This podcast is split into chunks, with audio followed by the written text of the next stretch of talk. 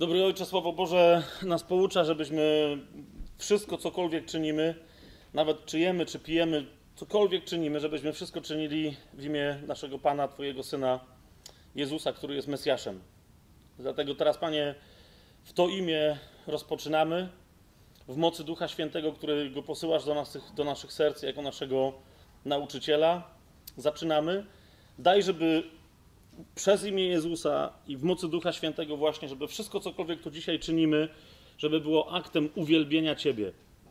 Żebyśmy rozpoznali jeszcze bardziej, jak wspaniały miałeś, masz dla nas plan, co jest dla nas nadzieją, którą możemy żyć, w jaki sposób możemy w tym życiu, póki jeszcze tu jesteśmy, w jaki sposób możemy się skutecznie pocieszać i pokrzepiać nawzajem. Objaw nam, Panie, wszystko to, co było w Twoim planie od początku, a co jeszcze przed nami, abyśmy dzięki temu mieli życie i mieli je w obfitości. Amen. Amen. Eee, jak pamiętacie, ostatnio rozważaliśmy bardzo mocno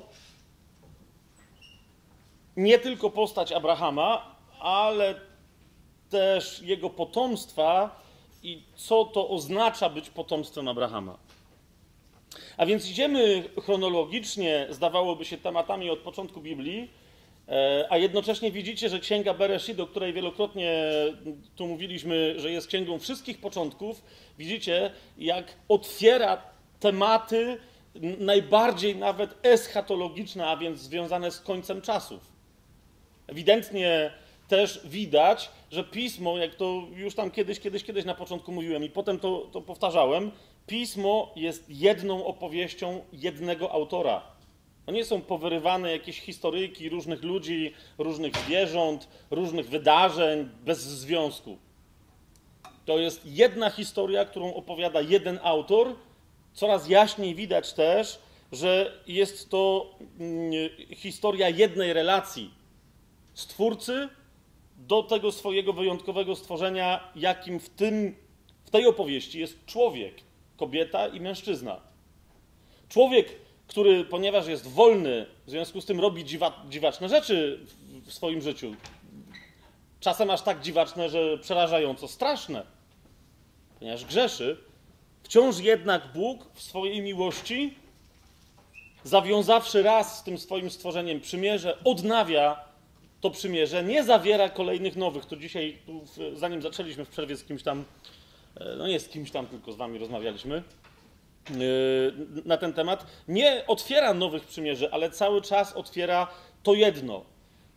Fakt, że w pewnym momencie wygląda, jakby to przymierze zawęziło się tylko i wyłącznie do jednego człowieka, do jednego może narodu, nie zmienia faktu, że do wejścia w ten naród jesteśmy zaproszeni wszyscy.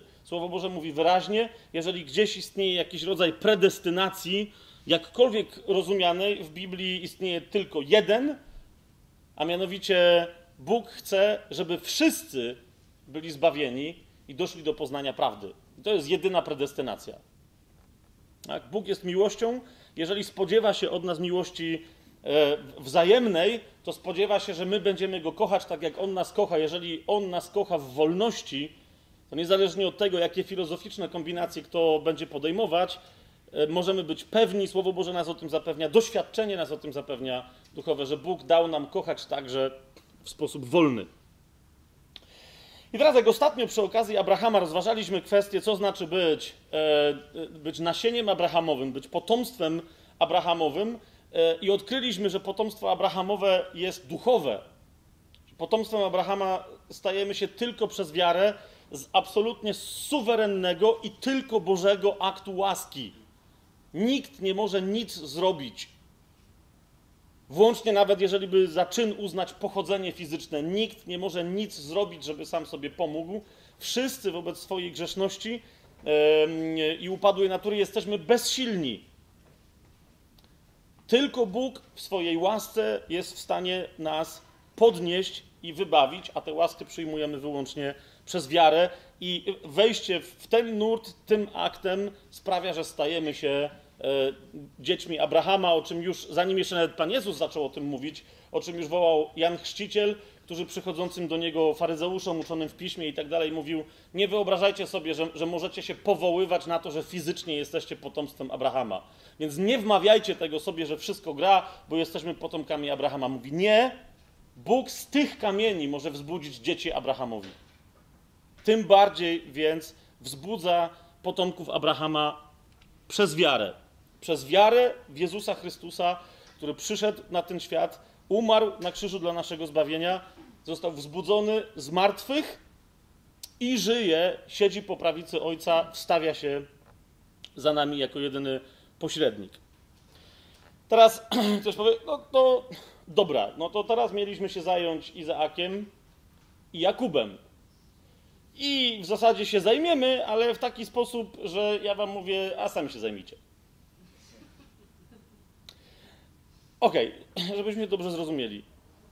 Zaraz wam przedstawię parę cytatów biblijnych, fragmentów konkretnych, e, które powinny być dosadną zachętą do tego, żebyście naprawdę przestudiowali każdy, każda sobie historię po Abrahamie, jego potomków bezpośrednich, Izaaka i Jakuba, który stał się Izraelem. Potem także Józefa i tak dalej. Dlaczego to jest tak ważne, już zaraz Wam powiem, natomiast, natomiast nie wyobrażam sobie, żebyśmy my tutaj, ucząc się też pewnej kultury studium biblijnego, żebyśmy my tutaj mieli te dwie historie zgłębić na serio. Bo to byśmy tutaj siedzieli do jesieni, jakbyśmy mieli każdy element tej historii zgłębić. Dlaczego? Ponieważ historia Abrahama, Izaaka i Jakuba w rozumieniu samego Boga, te trzy postaci są niewyobrażalnie istotne. Ok? A więc to, czym my się dzisiaj zajmiemy, to jest pewien ważny dla nas dzisiaj temat, który się wiąże z postaciami Abrahama, Izaaka i Jakuba, a wiąże się w taki sposób, że ten temat związał z nimi sam Pan Jezus. Zanim jednak powiem, jaki to jest temat, najpierw chcę Was zachęcić całkiem poważnie tak poważnie, jak tylko Bóg do tego podchodzi, do przestudiowania osobistego yy, historii Abrahama i Izaaka i Jakuba. Otwórzcie sobie yy, drugą księgę Mojżeszową, czyli księgę yy, wyjścia, na drugim rozdziale. Tam oczywiście, y, tam oczywiście już Abrahama, Izaaka i Jakuba nie ma. Y, już dawno Józefa nie ma, dzięki któremu E, Izrael się przeniósł w liczbie tam 70 paru osób do e, Egiptu. Co więcej, e, minęło kilkaset lat i Izrael się rozrósł w Egipcie, co było zamiarem Pana. Otwórzcie sobie drugi rozdział i popatrzcie na 24 werset. Dlaczego to jest tak istotne? Otóż Bóg z jakiegoś tajemniczego powodu, i ten tajemniczy powód się znajduje w historii Abrahama, Izaaka i Jakuba, nazywa sam siebie i chce być nazywanym Bogiem Abrahama, Izaaka i Jakuba. Wszystkie tytuły Adonai, Hashem, ze względu na cześć dla jego imienia. Hashem po hebrajsku znaczy imię właśnie. Niektórzy zamiast Jahwe mówią, Żydzi nie, nie wymawiają tego imienia, bo jest święte, dlatego mówią Hashem, o Bogu, tak? Te, ale wszystkie te, te, te, tytuły wygląda jakby Bóg chciał być nazywany Bogiem Abrahama, Izaaka i Jakuba. Okay? To, jest, to jest pierwszy podstawowy powód, dla którego należy znać ich historię. Czemu tak jest? Ale przyjrzyjmy się temu. Drugi rozdział, 24 werset. To jest tam, e, wiecie, wszyscy e, Hebrajczycy, cały Izrael cierpi w Egipcie e, pod jarzmem niewoli i usłyszał Bóg ich narzekanie i wspomniał Bóg na swoje przymierze z Abrahamem, Izaakiem i Jakubem. No ktoś powie, dobrze, no to wspomniał na swoje przymierze. Zerknijmy rozdział dalej, trzeci rozdział, szósty werset. Powiedział Bóg, to jest podczas tego przesławnego wydarzenia, kiedy Mojżesz zobaczył krzew płonący, który się palił, ale się nie palił, który płonął, ale się nie spalał. Zawołał go tam Bóg Mojżeszu, Mojżeszu, on odpowiedział, oto jestem. To jest trzeci rozdział e, drugiej Mojżeszowej, e, czwarty werset. W piątym wersecie powiedział mu, nie zbliżaj się tu, zdejmij z nóg sandały swoje, bo miejsce, na którym stoisz jest ziemią świętą, a więc Bóg mu się objawia. I zobaczcie szósty werset. Powiedział też, Ja jestem Bóg ojca twojego. Nie zobaczcie, w jaki sposób się przedstawia. Bóg Abrahama, Bóg Izaaka i Bóg Jakuba. Wtedy Mojżesz zakrył, zakrył oblicze swoje, bał się bowiem patrzeć na Boga. Zerknijmy jeszcze dalej, tutaj już, już się jaśniej tego ze strony Boga naprawdę nie dało powiedzieć. W tym samym rozdziale, w 15 wersecie, Bóg wraca do tego imienia i patrzcie, co mówi. I mówił dalej Bóg do Mojżesza: Tak powiesz synom izraelskim: Pan, Bóg ojców waszych, Bóg Abrahama, Bóg Izaaka i Bóg Jakuba posłał mnie do was. I teraz zobaczcie komentarz. To jest imię moje na wieki i tak mnie nazywać będą po wszystkie pokolenia. To nie znaczy, że nie można Boga nazywać innymi imionami, ale widzicie, to jest jedno z tak ważnych imion, że Bóg wyraźnie mu mówi: Tak mnie będą nazywać Bogiem Abrahama, Bogiem Izaaka i Bogiem Jakuba. To powiedz im, że ten Bóg właśnie cię posłał, takie jest moje imię na wieki, tak mnie będą nazywać po wszystkie pokolenia. Otwórzcie sobie, idźmy dalej, piątą Mojżeszową, czyli powtórzonego prawa w dziewiątym rozdziale.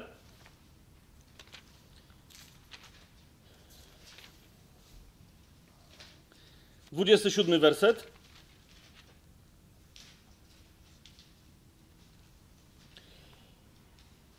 Zwróćcie uwagę, że skoro Bóg mówi o sobie, że jest Bogiem Abrahama, Izaaka i Jakuba, wygląda na to, że Mojżesz tak jest tym głęboko przejęty, że w pewnym sensie bierze Abrahama, Izaaka i Jakuba za orędowników dla Izraela.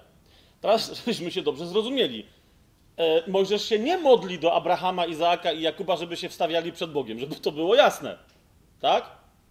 Niemniej to, co zrobili za życia, uważa za tak niezwykle istotne, przymierze, które z Bogiem zawarli. Zwróćcie uwagę, przymierze, my zwykle jak mówimy stare przymierze, mamy na myśli przymierze mojżeszowe, tak? Przymierze po wyjściu z Egiptu i wiążemy je i mieszamy zupełnie niepotrzebnie z prawem, które Izrael otrzymał, tak?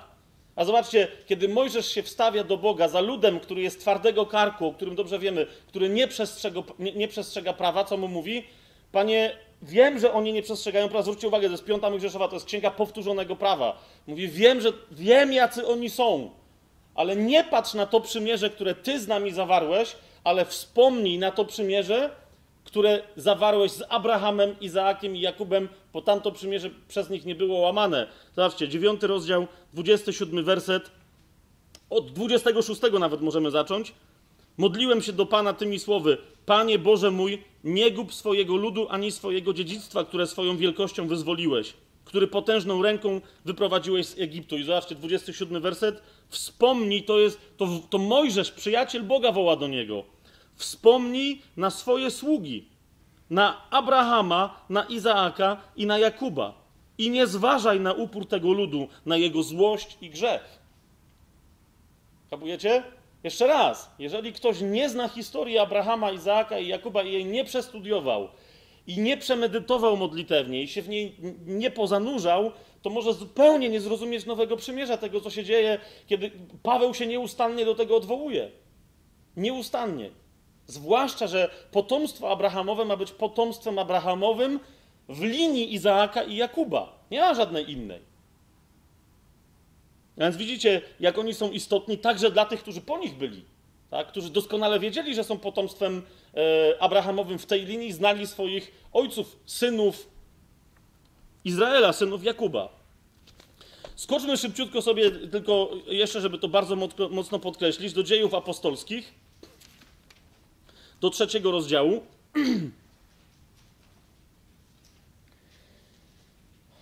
Zobaczcie, co się tam dzieje. W trzecim rozdziale, w trzynastym wersecie. Zobaczcie, że w, że w Nowym Przymierzu i nazywanie Boga w ten sposób i odwoływanie się do historii tych trzech patriarchów się nie kończy.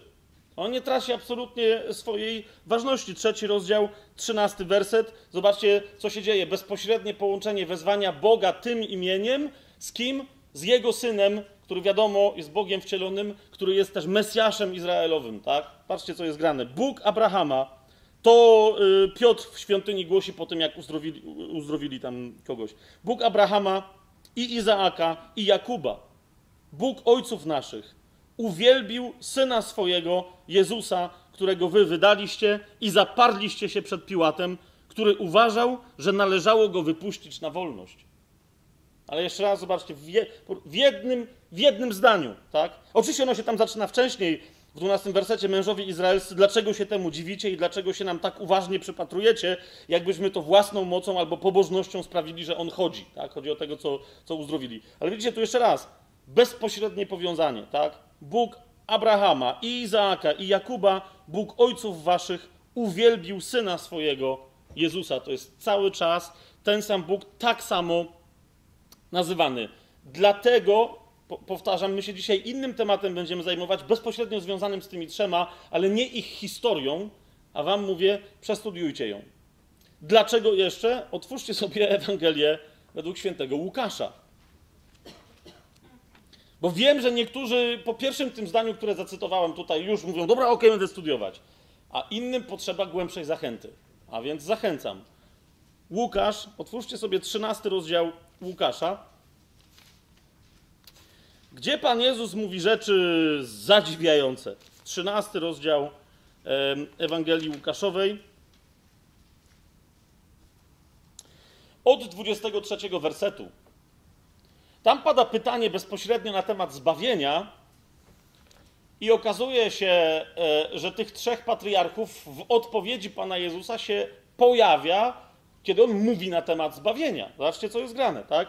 Łukasz 13, 23 i będziemy tak czytać aż do 30 wersetu. I rzekł ktoś do niego, do Pana Jezusa: Panie, czy tylko niewielu będzie zbawionych? On zaś rzekł do nich: Starajcie się wejść przez wąską bramę, gdyż wielu, powiadam wam, będzie chciało wejść, ale nie będą mogli. Gdy wstanie gospodarz i zamknie bramę, a wy staniecie na polu i pukać będziecie w bramę, mówiąc: Panie, otwórz nam, a on odpowie: Nie wiem skąd jesteście. Wówczas zaczniecie mówić: Jadaliśmy i pijaliśmy przed tobą, i na ulicach naszych nauczałeś. Gdzie Pan nauczał, doskonale wiemy, na których ulicach nauczał, tak? I na ulicach naszych nauczałeś, a On powie Wam: Nie wiem skąd jesteście. Odstąpcie ode mnie wszyscy, którzy czynicie nieprawość.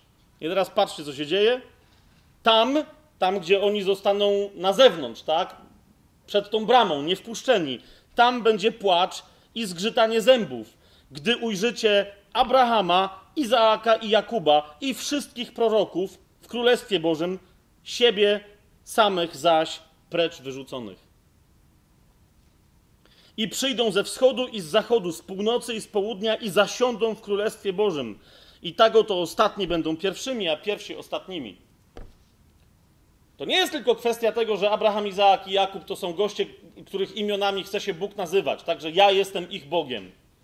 To są goście, z którymi ty będziesz wieczerzać, z którymi ty będziesz obiadać, w sensie jeść obiad ale też częściowo obiadać Pana Jezusa, który to, to wszystko będzie na jego koszt. z którymi będziesz także śniadaniać. Jak można wieczerzać, to można śniadaniać, nie? I zobacz, y, ja nie wiem skąd ty, skąd ty przychodzisz, tak? Bo to mogą być ludzie z różnych krajów, ale widzisz, to, to o tobie tu jest mowa. Zaraz, kiedy jest mowa, ujrzycie Abrahama, Izaaka i Jakuba. On tu mówi do, do tych z Izraela, którzy nie chcieli w Jezusa uwierzyć, tak? Ujrzycie Abrahama, Izaaka i Jakuba i wszystkich proroków Królestwie Bożym i przyjdą ze wschodu i z zachodu, z północy i z południa i zasiądą w Królestwie Bożym. I to jest o nas wierzących mowa, wierzących w Jezusa. Jest moc? Teraz nie byłoby ci łyso, jak siądziesz z tymi gośćmi przy jednym stole, Abraham, Izaak, Jakub, i oni ci powiedzą: Ty, cześć, normalnie znam całe Twoje życie, a ty mówisz: a ja twoje miałem czytać, ale co zapomniałem. Siara! Siara! Mateusza, ósmy rozdział, jeszcze sobie otwórzcie i tu zachętę, chyba powinniśmy zakończyć. Mateusza, ósmy rozdział. Yy... To, to, dobra, yy, to yy, tylko tyle. Jedenasty i dwunasty werset. Co? Osiem. Mateusza 8, ósmy rozdział, wersety 11 i 12. To samo Pan Jezus tutaj powtarza, ale jednak nieco innymi słowy. Powiadam wam, że wielu przybędzie ze wschodu i z zachodu, bo niektórzy, jak tamten fragment cytuję, to mówią, że a nie wiadomo, czy będziemy jeść razem. Tak? Więc to tylko jest to potwierdzenie. Powiadam wam, że wielu przybędzie ze wschodu i zachodu i zasiądą do stołu z Abrahamem i z Izaakiem i z Jakubem w Królestwie Niebios. Kapujesz? Ja nie wiem, jaka tam będzie, bo tam może być stołówka, ja nie wiem, czy za każdym razem będziesz siedzieć, wiesz, akurat z Abrahamem, tak? A może być, wiesz, kolejka, no nie? Ale przynajmniej raz w miesiącu myślę, że tam się, no, no nie ma bolca, no to hej. Więc powiadam wam, że wielu przybędzie ze wschodu i zachodu i zasiądą do stołu z Abrahamem i z Izaakiem i z Jakubem w Królestwie Niebios. Synowie Królestwa zaś będą wyrzuceni do ciemności na zewnątrz, a tam będzie płacz i zgrzytanie zębów. Wystarczająco zachęciłem wszystkich do tego, że nawet jak znacie, bo ja wiem, że tu wiele osób czyta usilnie i po prostu je pismo i przeżuwa i kupuje potem następne, do, do powrotu i przestudiowania jeszcze raz historii Abrahama, Izaaka i Jakuba. Zachęciłem? Dobra. Teraz przy okazji jeszcze wyjaśnię jedną rzecz, tak? bo, e, bo tam jakieś zapytania dostaję i dzwonią do mnie ludzie, pytają mnie osobiście tam gdzieś na Facebooku, na, na YouTubie, że to w ogóle tyle trwa, przecież tam ktoś mi mówi fabs, weź wstań i tam wiesz, gruchnij, trzy cytaty i wiesz, jazda, no nie? Otóż jestem wewnętrznie głęboko od początku, jak się spotykamy na tajemnym planie, przekonany, że nie tylko istotą tego, co tu robimy, jest zgłębianie prawd Bożych samo w sobie, ale także jest zachęcenie wszystkich wierzących, w Polsce przynajmniej, do kultury biblijnej, do sposobu zgłębiania Słowa Bożego. Znacie, co i róż, a nawet teraz już wrzucimy tam gdzieś na YouTube'a, tu, tam, co i róż się pojawiają znawcy Pisma Świętego, którzy mówią, że to w ogóle nie jest tak. Jeden, jeden, do drugi, jeden coś powie drugiemu, jesteś zwiedziony. W kościele katolickim wszyscy się przynajmniej pytają, a co na to biskup? Oni, najwyżej biskup jest zwiedziony, ale to wtedy. A rozumiecie, w całej kulturze, która ma być biblijna, protestanckiej i tak dalej, najczęściej ostatnio przez parę tygodni słyszę, nawet nie pod swoim adresem, co ciekawe, tak, tylko pomiędzy różnymi, no, ten taki zbór reprezentuje, tamten coś, tak, ja słucham tego, jesteś zwiedziony, ty też jesteś zwiedziony, a chodzi mi o to, że ci wszyscy są zwiedzeni i ja zawsze mówię, dobra, ale jakimś się wymieniliście cytatem, jeden rzucił dwa i tamten temu też dwa, no nie? Bez żadnego kontekstu, podczas gdy na przykład szło o tak fundamentalną sprawę jak łaska, jak zbawienie jak i tak dalej, tak? na temat łaski człowieku, to najpierw trzeba sobie wrzucić kilkaset cytatów, cytatów z Biblii, zrozumieć wszystkie konteksty i wtedy możecie zacząć dyskusję. Więc dlatego rozumiecie, teraz nie chodzi mi o to, że ja tu też kogoś oskarżam, mówił, że oni wszyscy ci, co gadają, że są zwiedzeni inni, że oni są zwiedzeni. To tego nie mówię. Mówię tylko, żebyśmy wrócili, wrócili albo niektórzy, żeby zaczęli nawet rozmowy między sobą, ale też osobiste studium od, od uszanowania Słowa Bożego. Tak? Nie, nie od tego, że. Bo, bo niektórzy mówią, nie, nie, ja nie mam żadnych okularów, ja nie żadna, żadna teologia, ale prawda jest taka, że niektórzy nawet nie wiedzą, że, że tak naprawdę przeczytali trzy cytaty w Biblii i reprezentują teologię, którą ktoś im kiedyś sprzedał, o czym oni już nie pamiętają. Więc dlatego, jak mamy czytać słowo, to między innymi dlatego daję tych cytatów tyle. Tak? Jak uzasadniam jakąś tezę, to ją chcę uzasadnić więcej niż dwoma czy trzema świadkami biblijnymi. Także dlatego, żeby pokazać, i tak zresztą za każdym razem wierzcie mi, że tych cytatów jest więcej. Tu jest Madzia i jest mi świadkiem, że czasem trzy godziny siedzę i z całego zbioru możliwych dowodów biblijnych wykreślam kilkadziesiąt, czasem kilkaset cytatów. Rozumiecie o co mi chodzi? Żeby w ogóle jakiś temat ogarnąć tutaj. A, a, a nie dopisuję je. Więc, więc następnie, jak ktoś, nawet tutaj jak siedzimy, tak? Wy nie bierzcie tego, co ja mówię, absolutnie, ale też żadnego innego nauczyciela, nie wierzcie jemu na słowo. Wierzcie na to słowo, to słowo, tak? A więc idź potem ty i sprawdź, czy jeszcze są inni świadkowie tego, co ja powiedziałem, czy jakikolwiek inny nauczyciel. Jak słuchasz jakiegoś nauczyciela, idź potem do innego, nie po to, żeby iść do innego nauczyciela, ale właśnie po to, że być może on zna jakieś inne fragmenty, które się do rzeczy odnoszą, tak? Być może on na przykład załapał, że nie wiem, dla przykładu, tak? Chrzest w Biblii jest opisywany nie tylko przy pomocy słowa chrzest, czyli baptizmus, tak? I nagle inny nauczyciel ci powie, ale jest na przykład e, kąpiel odradzająca. Jest takie, takie stwierdzenie i ktoś tu szuka tylko słowa chrzest, nagle mówi, aha, okej. Okay. W liście do Hebrajczyków nagle jest mowa o obmyciu się czystą wodą, która jest ewidentnie związana i tak dalej, i tak dalej, tak? Więc idzie mi o to, że żeby szukać u innych, ale nie szukać autorytetów, bo autorytet jest jeden, Słowa Bożego, tylko żeby szukać autorytetu w Słowie, naprawdę to Słowo zgłębiając. Mamy jasność w tej kwestii?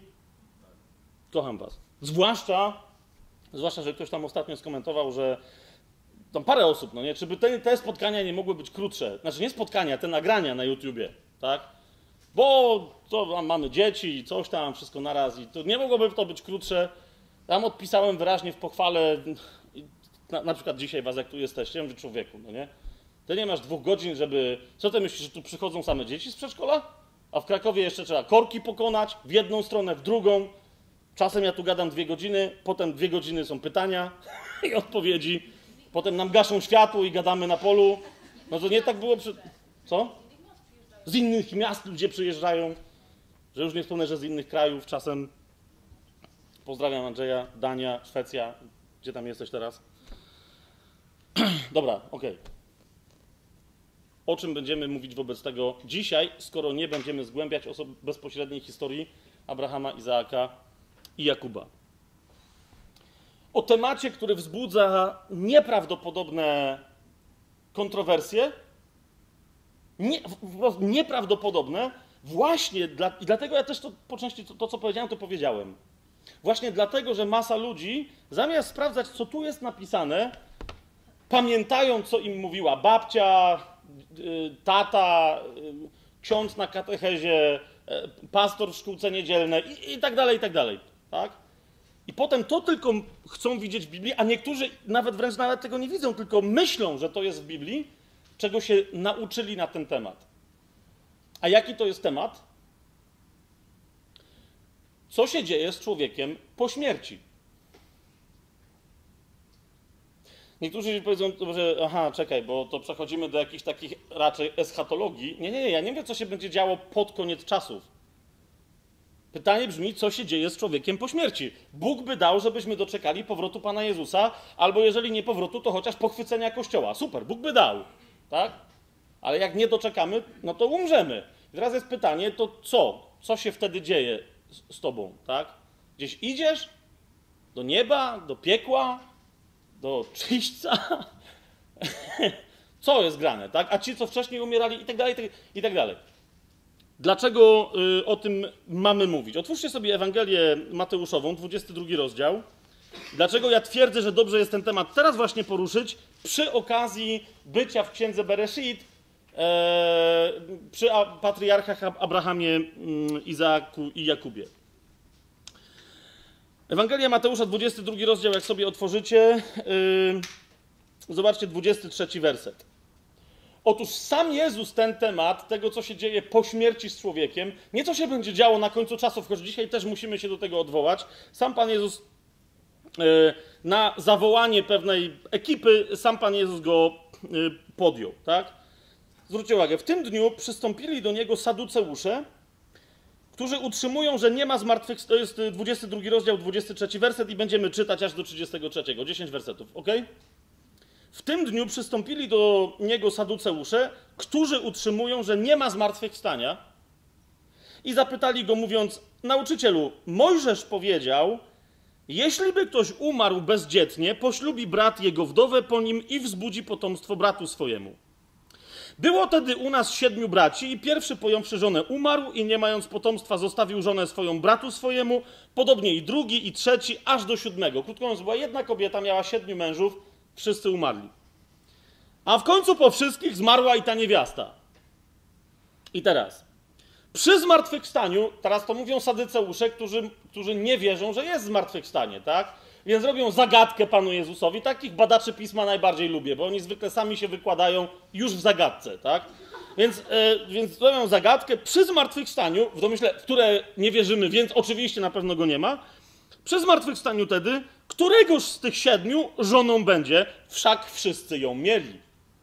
Saduceusze to w ogóle byli bezczelni ludzie, więc ta, taka wymowa. A Jezus odpowiadając, rzekł im: No właśnie, na temat dwóch rzeczy. Zawsze e, e, e, o, o, odszczepieństwa, herezje dziwne i tak dalej w chrześcijaństwie i w judaizmie wcześniej też się zaczynały od tego, że nawet jak ktoś miał jedną z tych rzeczy, to nie miał drugiej w równowadze. Tak? A tym Pan Jezus powiedział, że w ogóle żadnej z tych dwóch rzeczy nie mają. Mianowicie błądzicie, powiedział, nie znając pism ani mocy Bożej. Nie znacie ani pisma, ani mocy Bożej. Mocy Bożej nie znacie, no właśnie, bo się nią nie posługujecie, a pisma też nie znacie, bo je czytacie tylko po to, żeby tam znaleźć to, w co wy chcecie wierzyć. I teraz co im dalej odpowiedział? Albowiem przy zmartwychwstaniu ani się żenić nie będą, ani za mąż wychodzić, ale będą jak aniołowie w niebie. A co do zmartwychwstania, czy nie czytaliście, co wam Bóg powiedział w słowach Jam jest Bóg Abrahama i Bóg Izaaka i Bóg Jakuba? Bóg nie jest Bogiem umarłych, ale żywych. A lud, który to słyszał, zdumiewał się nad jego nauką.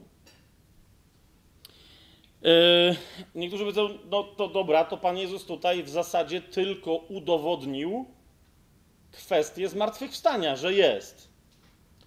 A ja mówię, nie, Pan Jezus nie tylko dotknął kwestii zmartwychwstania, ale drugiej bardzo istotnej kwestii. Bo widzicie, są ludzie, którzy się podają za chrześcijan, niektórzy są naprawdę chrześcijanami, ale uważają, że śmierć człowieka. Dobra, są tacy chrześcijanie, którzy uważają, że jak człowiek umiera, to zasypia.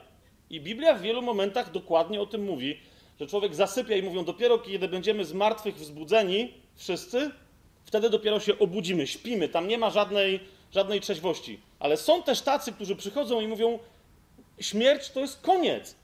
Tam nie ma człowieka. Jezus niektórych wzbudzi z martwych, ale jak niektórzy, jak, no dosłownie tak jak ateiści, tak? Jak usną, to jest koniec. Tam nie ma co, nie ma żadnej, co tam ma żyć? Ciało umarło, dusza razem z nim, koniec, nie ma nic więcej. Otóż ja twierdzę, że tutaj Pan Jezus odnosił się także do tej kwestii właśnie, nie tylko co będzie na końcu, że będzie zmartwychwstanie, ale że ci, którzy umierają, dalej żyją. Ktoś powie, no ale tu nie o to się pytali saduceusze. Oczywiście, że się o to pytali. Y, dlaczego? Jak sobie otworzycie y, dzieje apostolskie szybciutko, to, to, zobaczycie o co mi chodzi. Tam jest wyraźnie to y, dopowiedziane. Dzieje apostolskie w 23 wersecie. To jest ten mój ulubiony fragment, kiedy Paweł stoi przed Sanhedrynem i wiedząc, że są tam saduceusze i faryzeusze, robi, robi scenę, że jest faryzeuszem, tak? Rozdziela szaty i mówi, bracia, co mnie tu sądzą dziady, tak? I tam ci zaczynają, a może on widział anioła, no i tam jest cała ta śmieszna historia, która zawsze mnie głęboko bawi. Ale dla tych, którzy nie wiedzą, co jest grane, w 23 rozdziale dziejów apostolskich, w ósmym wersecie jest dokładnie powiedziane, e, w co nie wierzyli saduceusze. Zwróćcie uwagę, 23 rozdział, 8 werset. Saduceusze bowiem uczą, że nie ma zmartwychwstania. I teraz patrzcie, to jest dla nas kluczowe słowo, to w co oni nie wierzą, a co Pan Jezus im według mnie jasno udowadnia. Saduceusze bowiem uczą, że nie ma zmartwychwstania, ale też uczą, że czego nie ma ani anioła, ani ducha. To znaczy, że nie, mają ist, że nie ma istot duchowych jakichkolwiek, że nie ma ducha czystego, czyli anioła, i że nie ma też ducha ludzkiego. Jasne jest to? To jest to odróżnienie, że nie ma anioła i że nie ma ducha. Tak? Saduceusze bowiem uczą, że nie ma zmartwychwstania ani anioła, ani ducha, natomiast faryzeusze uznają jedno i drugie. No i dlatego oni tam się, e, tam się wiecie, pokłócili. Ale tu w tej Ewangelii Mateuszowej Jezus wyraźnie do tego pije. Tak? On im mówi, że nie tylko, że jest zmartwychwstanie, ale że jest życie po śmierci wyraźne, tak? ponieważ powiada. E, aha, i teraz jeszcze o co chodzi, bo saduceusze dlaczego tak w ogóle nie wierzyli?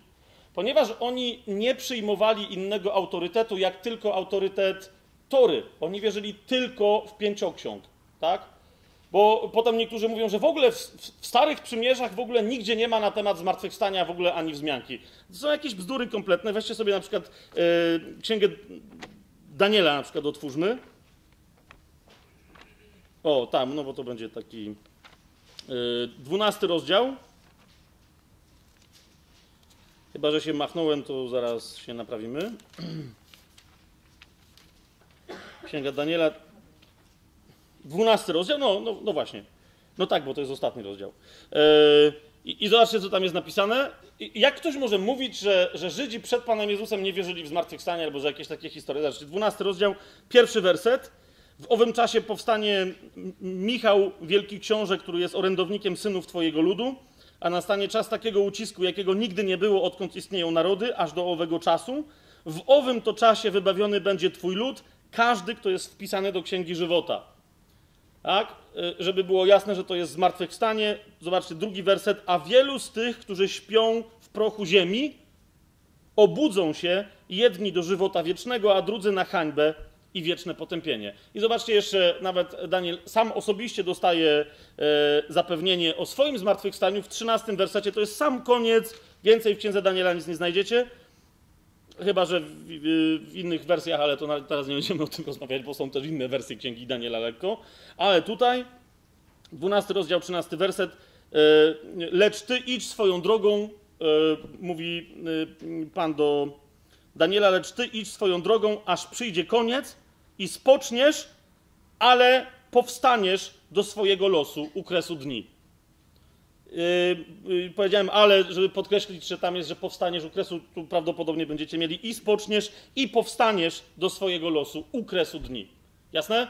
Więc to nie jest tak, że, e, że nikt y, w, Starym Przymierzu nie wierzył w zmartwychwstanie, natomiast sadyceusze mówili, nie, nie wierzymy, ponieważ Tora musiałaby o tym mówić. I dlatego Jezus, zwróćcie uwagę, odwołuje się do Tory i mówi im, gdyby Abraham, Izaak i Jakub byli martwi i nie istnieli i nie żyli w czasie, kiedy Bóg się powołuje na nich, kiedy rozmawia z Mojżeszem, a oni już dawno w ciele nie żyją, tak? To mówi, to powiedziałby, ja byłem Bogiem Abrahama, Izaaka i Jakuba. Tak? A, a im uczonym w piśmie, w Torze zwłaszcza, Jezus mówi wyraźnie, zobaczcie, co Bóg do nich, do, do Mojżesza powiedział. Ja jestem Bogiem Abrahama, Izaaka i Jakuba. I, I na tej podstawie Jezus twierdzi, Bóg nie jest Bogiem martwych, ale żyjących. W domyśle zatem Abraham, Izaak i Jakub żyją.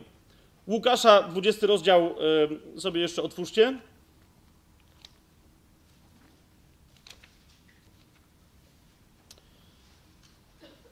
Tam jest dokładnie powtórzenie tego samego.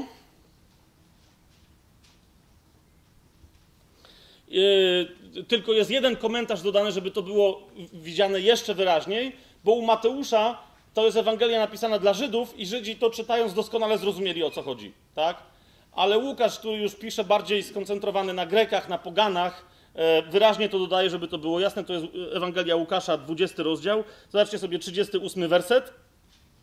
I on tam dodaje to, no właśnie, żeby podkreślić, że, że to Pan Jezus miał na myśli. Y, nie jest on przeto Bogiem umarłych, ale żywych, dla niego bowiem wszyscy żyją.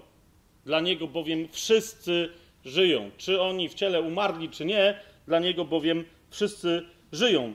A odpowiadając na to, niektórzy z uczonych w piśmie, no właśnie prawdopodobnie nie saduceusze, tylko faryzeusze, rzekli najwyraźniej zadowoleni: Nauczycielu, dobrze powiedziałeś. Chociaż jest tam dodatek, że już nie odważyli się pytać go o cokolwiek, e, no bo skoro podstępni saduceusze dostali tak w dziubek, to oni uznali: okej, okay, dobra, bardzo dobrze powiedziałeś, nauczycielu. Teraz jest dobrze, niektórzy powiedzą, e, no fajnie, ale jest mnóstwo fragmentów w Biblii, które sugerują, że ludzie osuwając się w śmierć, nie tylko, że zasypiają, ale dosłownie czezną. Tak? Um, inni powiadają, a dobra, co się będziemy przejmować? Ważne, że i tak potem, skoro jesteśmy wierzący, zmartwychwstaniemy. Jeszcze inni mówią, po co się w ogóle tym zajmować? Otóż e, najpierw, e, mimo że wiem, że niektórych z Was to interesuje, co się tam dalej dzieje, tak? Oczywiście rozumiecie teraz, do, do czego ja piję, powiem wprost, tak? E, wiele osób, na przykład świadków Jehowy, ale też innych różnych tam odłamów badania pisma, chodzą wśród różnych wierzących, tak, chrześcijan i plączą. I, I zaczynają od tej historii, że tam nie wiadomo, czy coś w ogóle jest po śmierci, nie wiadomo, kto będzie z martwych wzbudzony, i tak dalej, i tak dalej, a kończy się na tym, że wiele osób traci nadzieje zaczynają się sami w jakichś wątpliwościach mm, plątać. A zatem, zanim pójdziemy tam dalej i rozważymy, do czego tu Pan Jezus pije i czy rzeczywiście Biblia mówi o tym, że po śmierci życie trwa dalej, jak ono tam dalej wygląda, tam jest mnóstwo pytań. Najpierw chciałbym Wam dać uzasadnienia, czemu jest to istotne nie tylko rozważać Abrahama, Izaaka i Jakuba, ale na przykład taki temat, tak? Co się dzieje z człowiekiem wierzącym, niewierzącym i tak dalej, co się dzieje z człowiekiem zaraz po śmierci. Po pierwsze, pierwszy list Jana, jakbyście sobie otworzyli, po pierwsze, po to właśnie potrzebujemy zgłębiać. E, okej, okay, bo to jest jeszcze, jeszcze taka rzecz, ja wielokrotnie i na różne sposoby powtarzałem i się z tego wcale nie wycofuję, że Biblia nie jest księgą na temat przyszłego życia w niebie, ale jest księgą na temat naszego życia tu na ziemi, która nam pokazuje, jak mamy żyć tutaj na ziemi, e, żeby się tam, tam dostać. Tak? Więc to oczywiście. To teraz widzicie, zaraz jeszcze sobie troszkę więcej o, o tej kwestii powiemy to niebo, do którego my ostatecznie zmierzamy, tak? Znaczy nowe niebo, nowa ziemia, niebieskie Jeruzalem, które stąpi od Pana i tak dalej, to my w ogóle nie o tym mówimy. Tak? Jest jeszcze czas poprzedzający to wszystko, tysiącletnie królestwo i tak dalej, oraz czas jeszcze to poprzedzający, czyli co się dzieje z ludźmi, którzy, którzy już pomarli, ale jeszcze Pan Jezus nie powrócił na ziemię. Zatem mamy parę różnych czasów. Tak? Wszystkie te czasy powinniśmy mieć rozważone, ponieważ w tym, co się będzie działo w przyszłości, a o tym Biblia trochę jednak mówi, więc nie o tym ostatecznym szczęściu, które nas czeka bardzo, bardzo daleko, tak? ale o tych różnych fazach historii naszej, no, w której niektórzy z nas będą uczestniczyć jeszcze tu, jeszcze na tej ziemi, już jako zmartwychwstali. Tak? Więc ponieważ to jest bardzo istotne dla naszego wierzenia dzisiaj, tak? Potrzebujemy wszystkie możliwe niejasności, możli jeżeli są możliwe do, do, do wyjaśnienia, wyjaśnić. Wszystkie nieporozumienia, poszukać drogi porozumienia. Tak? Zobaczcie, pierwszy list y, Janowy, piąty y, rozdział, dwudziesty werset, dokładnie o tym, ale, ale, oczywiście takich fragmentów Biblii w Nowym Przymierzu zwłaszcza jest więcej, które do tego zachęcają, ale pierwszy list Jana, piąty rozdział, dwudziesty werset, co tam Jan pisze? Wiemy też, że Syn Boży przyszedł i dał nam rozum, abyśmy poznali tego, który jest prawdziwy. My jesteśmy w tym, który jest prawdziwy, w Synu Jego, Jezusie Chrystusie. On jest tym prawdziwym Bogiem i życiem wiecznym. Życie wieczne dla wierzących zaczyna się, zanim jakiekolwiek inne eschatologiczne, eschatyczne wydarzenia się rozpoczną, włącznie z Twoją osobistą śmiercią. Rozumiesz? I dlatego to jest tak ważne, żeby, żeby kwestie ym, tego, co się dzieje z, ze śmiercią fizyczną ciała, żeby, żebyśmy my do, rozumieli, tak, jak Biblia te, te, te, procesy opisuje i żebyśmy nie dali się e, zafałszować innym. Patrzcie, jak jest 21 werset zaraz po tym, tak? On jest prawdziwym Bogiem i życiem wiecznym. 21. Dzieci, wystrzegajcie się fałszywych bogów. Kwestia wierzenia w to, co się dzieje z człowiekiem zaraz po śmierci, wielu prowadzi do, do bałwochwalstwa i do wiary e, właśnie w fałszywych bogów. Po drugie, rozumienie, co się dzieje z człowiekiem zaraz po, e, po śmierci, daje nam właściwą perspektywę, a w tej perspektywie daje nam pewność tutaj, w tym życiu i nadzieję. Tak? Człowiek wiary powinien być człowiekiem nadziei. Nie tylko wolnym od, od jakichkolwiek lęków związanych ze śmiercią, ale z czymkolwiek, co ma po niej nastąpić. Otwórzcie sobie list do Rzymian. Dla przykładu.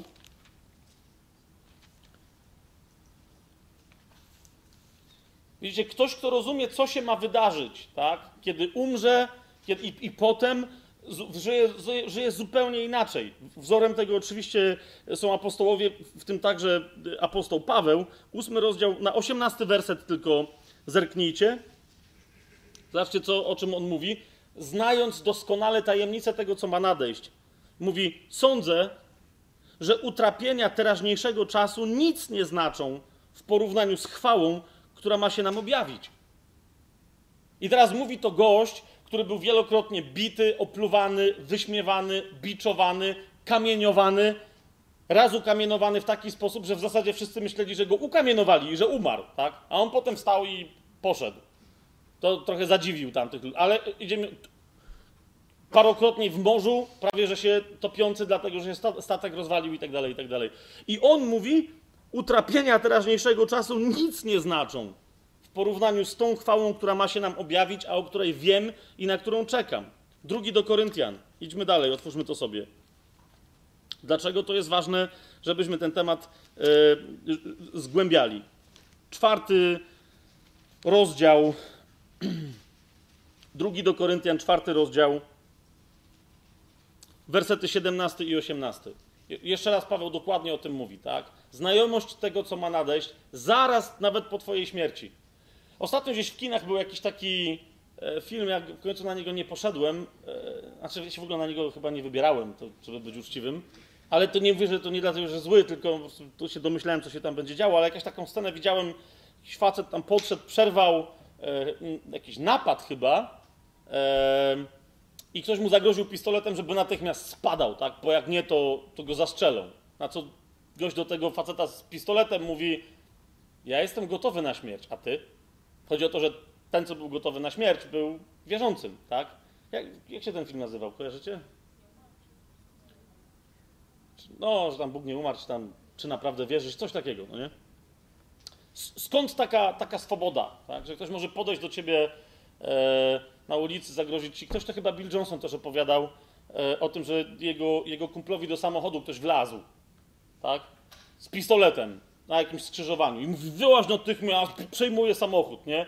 I goś tak mówi, bo co? Bo cię zaszczelę, nie? Na co ten facet, rozumiecie, w pełni wierzący mówi, serio? Zrobiłbyś to dla mnie, mówi, zarąbiście. Tamten się zdziwił, mówi, e, no weź, że wyłaź, no nie? A on mówi, nie, chociaż czekaj, mówi, nie. Ja nie mogę cię prowokować, bo wtedy ty zgrzeszysz, a ja nie chcę, żebyś ty grzeszył. Zobaczcie, i gość mówi, kurde, że mi się zawsze tacy wariaci trafiają w wylas, no nie? I teraz drugi list świętego Pawła do Koryntian, czwarty rozdział, to jest dokładnie, widzicie, ta postawa, 17 i 18 werset. Albowiem nieznaczny chwilowy ucisk przynosi nam przeogromną obfitość wiekuistej chwały. Nam, którzy nie patrzymy na to, co widzialne, ale na to, co niewidzialne. Albowiem to, co widzialne, jest doczesne, a to, co niewidzialne, jest wieczne. Amen. I jeszcze pierwszy list do Tesaloniczan, jak sobie otworzycie, i to, to myślę, że to będziemy mieli, będziemy mieli pełną yy, jasność. Pierwszy do Tesaloniczan. Też czwarty rozdział i, i, i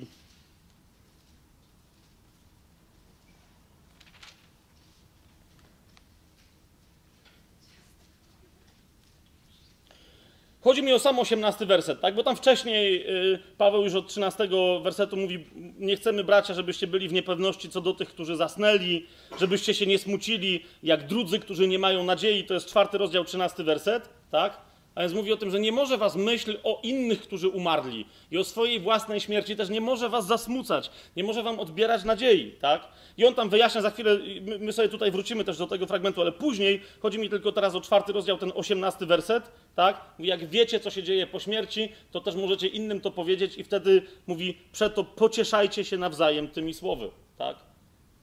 Y, wiedza o tym, co się dzieje z człowiekiem zaraz po śmierci, ma nam służyć nie do zasmucania się, ale do pocieszania się tą opowieścią. Widzisz brata, czy widzisz siostrę, który trochę w wierze zaczyna tam się, wiesz, kłębić, jakiś atak tam nastąpił na niego duchowy, przypomnij mu, że, że już niedługo umrze, no nie? Jak jest prawdziwym chrześcijaninem, wiesz, to się od razu pokrzepi.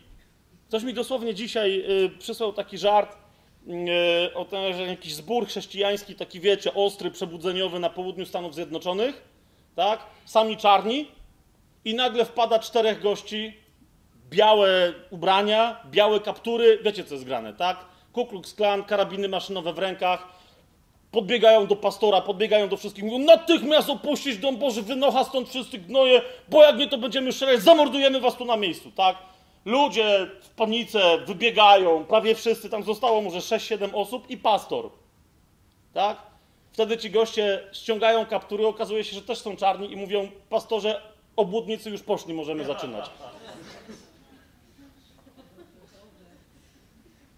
Obłudnicy już poszli, możemy zaczynać. No właśnie. Dalej trzeci powód, tak? Bardzo jest nam potrzebna ta wiedza do tego, żeby żyć uświęceniem, jak sobie jeszcze raz yy, i postępować w uświęceniu, jak sobie jeszcze raz otworzymy pierwszy list Janowy, zobaczcie, jak to dla Jana jest nie, niezwykle istotne, trzeci rozdział tym razem. Trzeci rozdział, yy, drugi i trzeci werset. Umiłowani, teraz dziećmi Bożymi jesteśmy, ale jeszcze się nie objawiło, czym będziemy. Jeszcze się nie objawiło, czym będziemy. Lecz wiemy, że gdy się objawi, będziemy do Niego podobni, gdyż ujrzymy Go takim, jakim jest. I teraz patrzcie trzeci werset. I każdy, kto te nadzieje w Nim pokłada, oczyszcza się tak, jak On jest czysty. Tak? A więc widać wyraźnie, że to nam pomaga absolutnie e, w, w drodze uświęcenia. Dalej, Jezus sam do tego wyraźnie, oczywiście na sposób, on to do Żydów mówił, tak, ale wyraźnie do tego wzywa. Szósty rozdział, jak sobie otworzycie, i to nie mówił tylko do uczonych w piśmie, to jest, to jest fragment kazania na górze, tak zwanego sławnego, tak? Ewangelia Mateusza, y, szósty rozdział, dziewiętnasty werset, y, dwudziesty i dwudziesty pierwszy. Tak? Jak może ktoś, kto nie wie, co się z nim dzieje po śmierci, jak może wiedzieć to, co Pan Jezus tutaj nakazuje? Zobaczcie, co on mówi. Nie gromadźcie sobie skarbów na ziemi, gdzie je mól i rdza niszczą i gdzie złodzieje podkopują i kradną. Ale gromadźcie sobie skarby w niebie, gdzie ani mól, ani rdzanie niszczą i gdzie złodzieje nie podkopują i nie kradną. Albowiem, gdzie jest skarb Twój, tam będzie i serce Twoje. Jak ktoś nie rozumie, co się dzieje po śmierci, jak się nie rozumie tego, co potem ma nastąpić, jaki jest plan Boży, to nie wie, co to znaczy i zaczyna, wiecie, zaczyna, zaczyna uprawiać religię taką czy inną. Aha, w takim razie mam gromadzić sobie skarby na ziemi, zaczynają sobie ludzie wymyślać. To muszę wejść w proces dobrych uczynków, tak? Jak będę mieć dużo tych skarbów w niebie, to jak tam się pojawię, to Bogu zapłacę za wejście do nieba. To są bzdury kompletne, tak? Trzeba rozumieć, co to znaczy, bo widzisz, o co chodzi? Chodzi o twoje serce, samo centrum twojego ducha. Gdzie jest skarb twój, tam będzie serce twoje. Dlatego Jezus mówi, gromadź skarby w niebie o co idzie, tak? Kolosan, otwórzcie sobie. List do Kolosan, e, trzeci rozdział.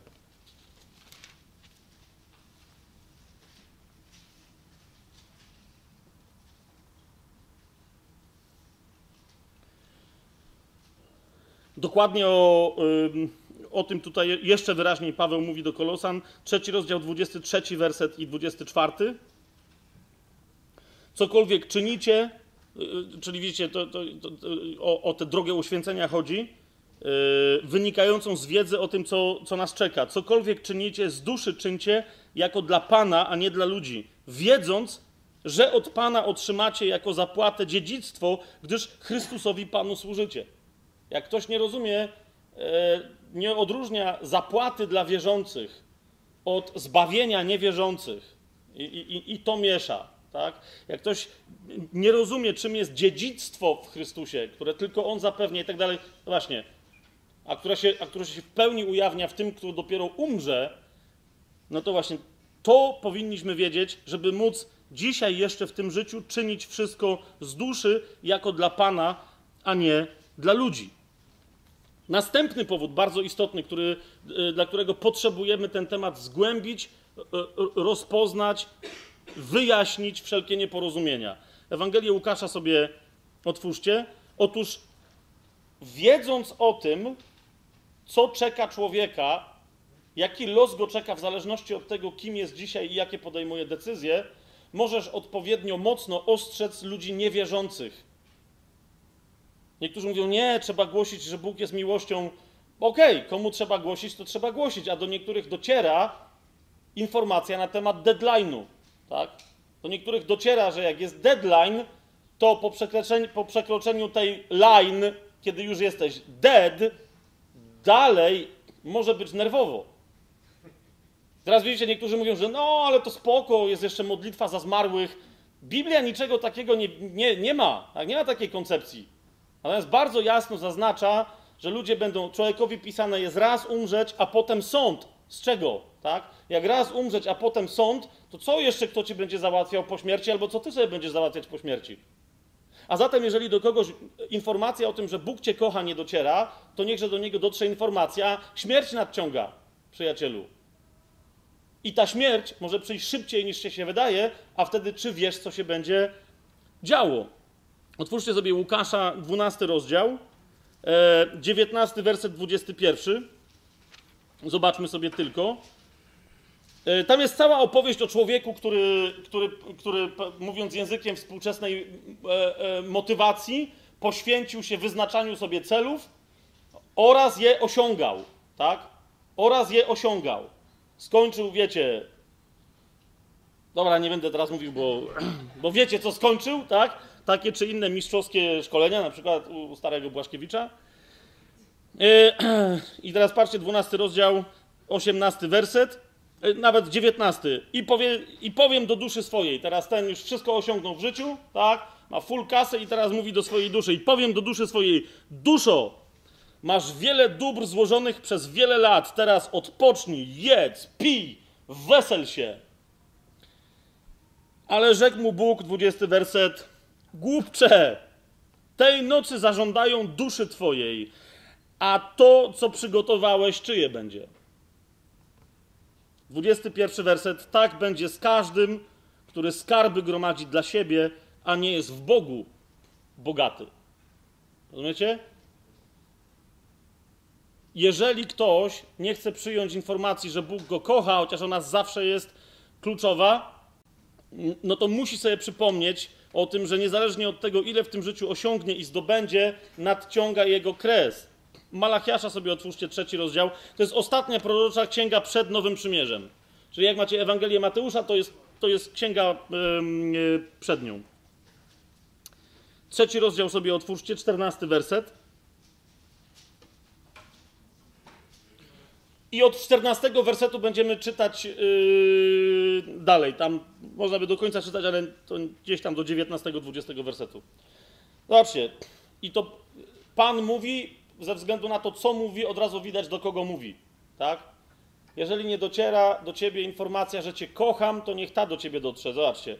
E, Malachiasz 3 rozdział 14 werset i następny. Mówiliście tak. Próżna to jest rzecz służyć Bogu. I jaki jest pożytek z tego, że przestrzegamy Jego przykazań i że chodzimy w pokutnej szacie przed Panem zastępów? My uważamy raczej zuchwałych za szczęśliwych. Zuchwałych to znaczy bezbożnych, takich, którzy się nie przejmują Panem. Tak? My uważamy raczej zuchwałych za szczęśliwych, gdyż powodzi im się dobrze. Chociaż bezbożnie postępują, a nawet kuszenie Boga uchodzi im bezkarnie. Ilu znacie takich ludzi, którzy tak mówią? A są tacy, co są w ogóle niewierzący i w ogóle wiesz, no nie? Szesnasty werset czytamy dalej. Tak to mówili między sobą ci, którzy boją się Pana, tak? Którzy boją się Pana, a Pan uważał i słyszał to.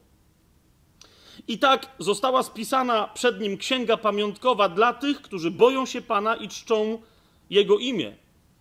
I dla tych, którzy udawali, też zostanie zapisana księga pamiątkowa.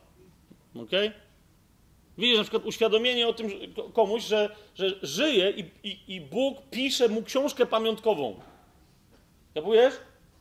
Oczywiście wierzący są wyluzowani, bo my wiemy, e, że nasze książki zostaną spalone, no nie? Bo my nie idziemy na sąd, a Bóg nie przechowuje niepotrzebnych książek, no nie?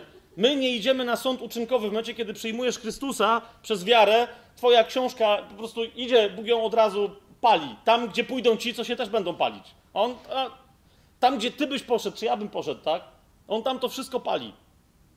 Ale ci, którzy nie przyjmą Jezusa, muszą o tym pamiętać, że mają zapisaną książkę z całego życia.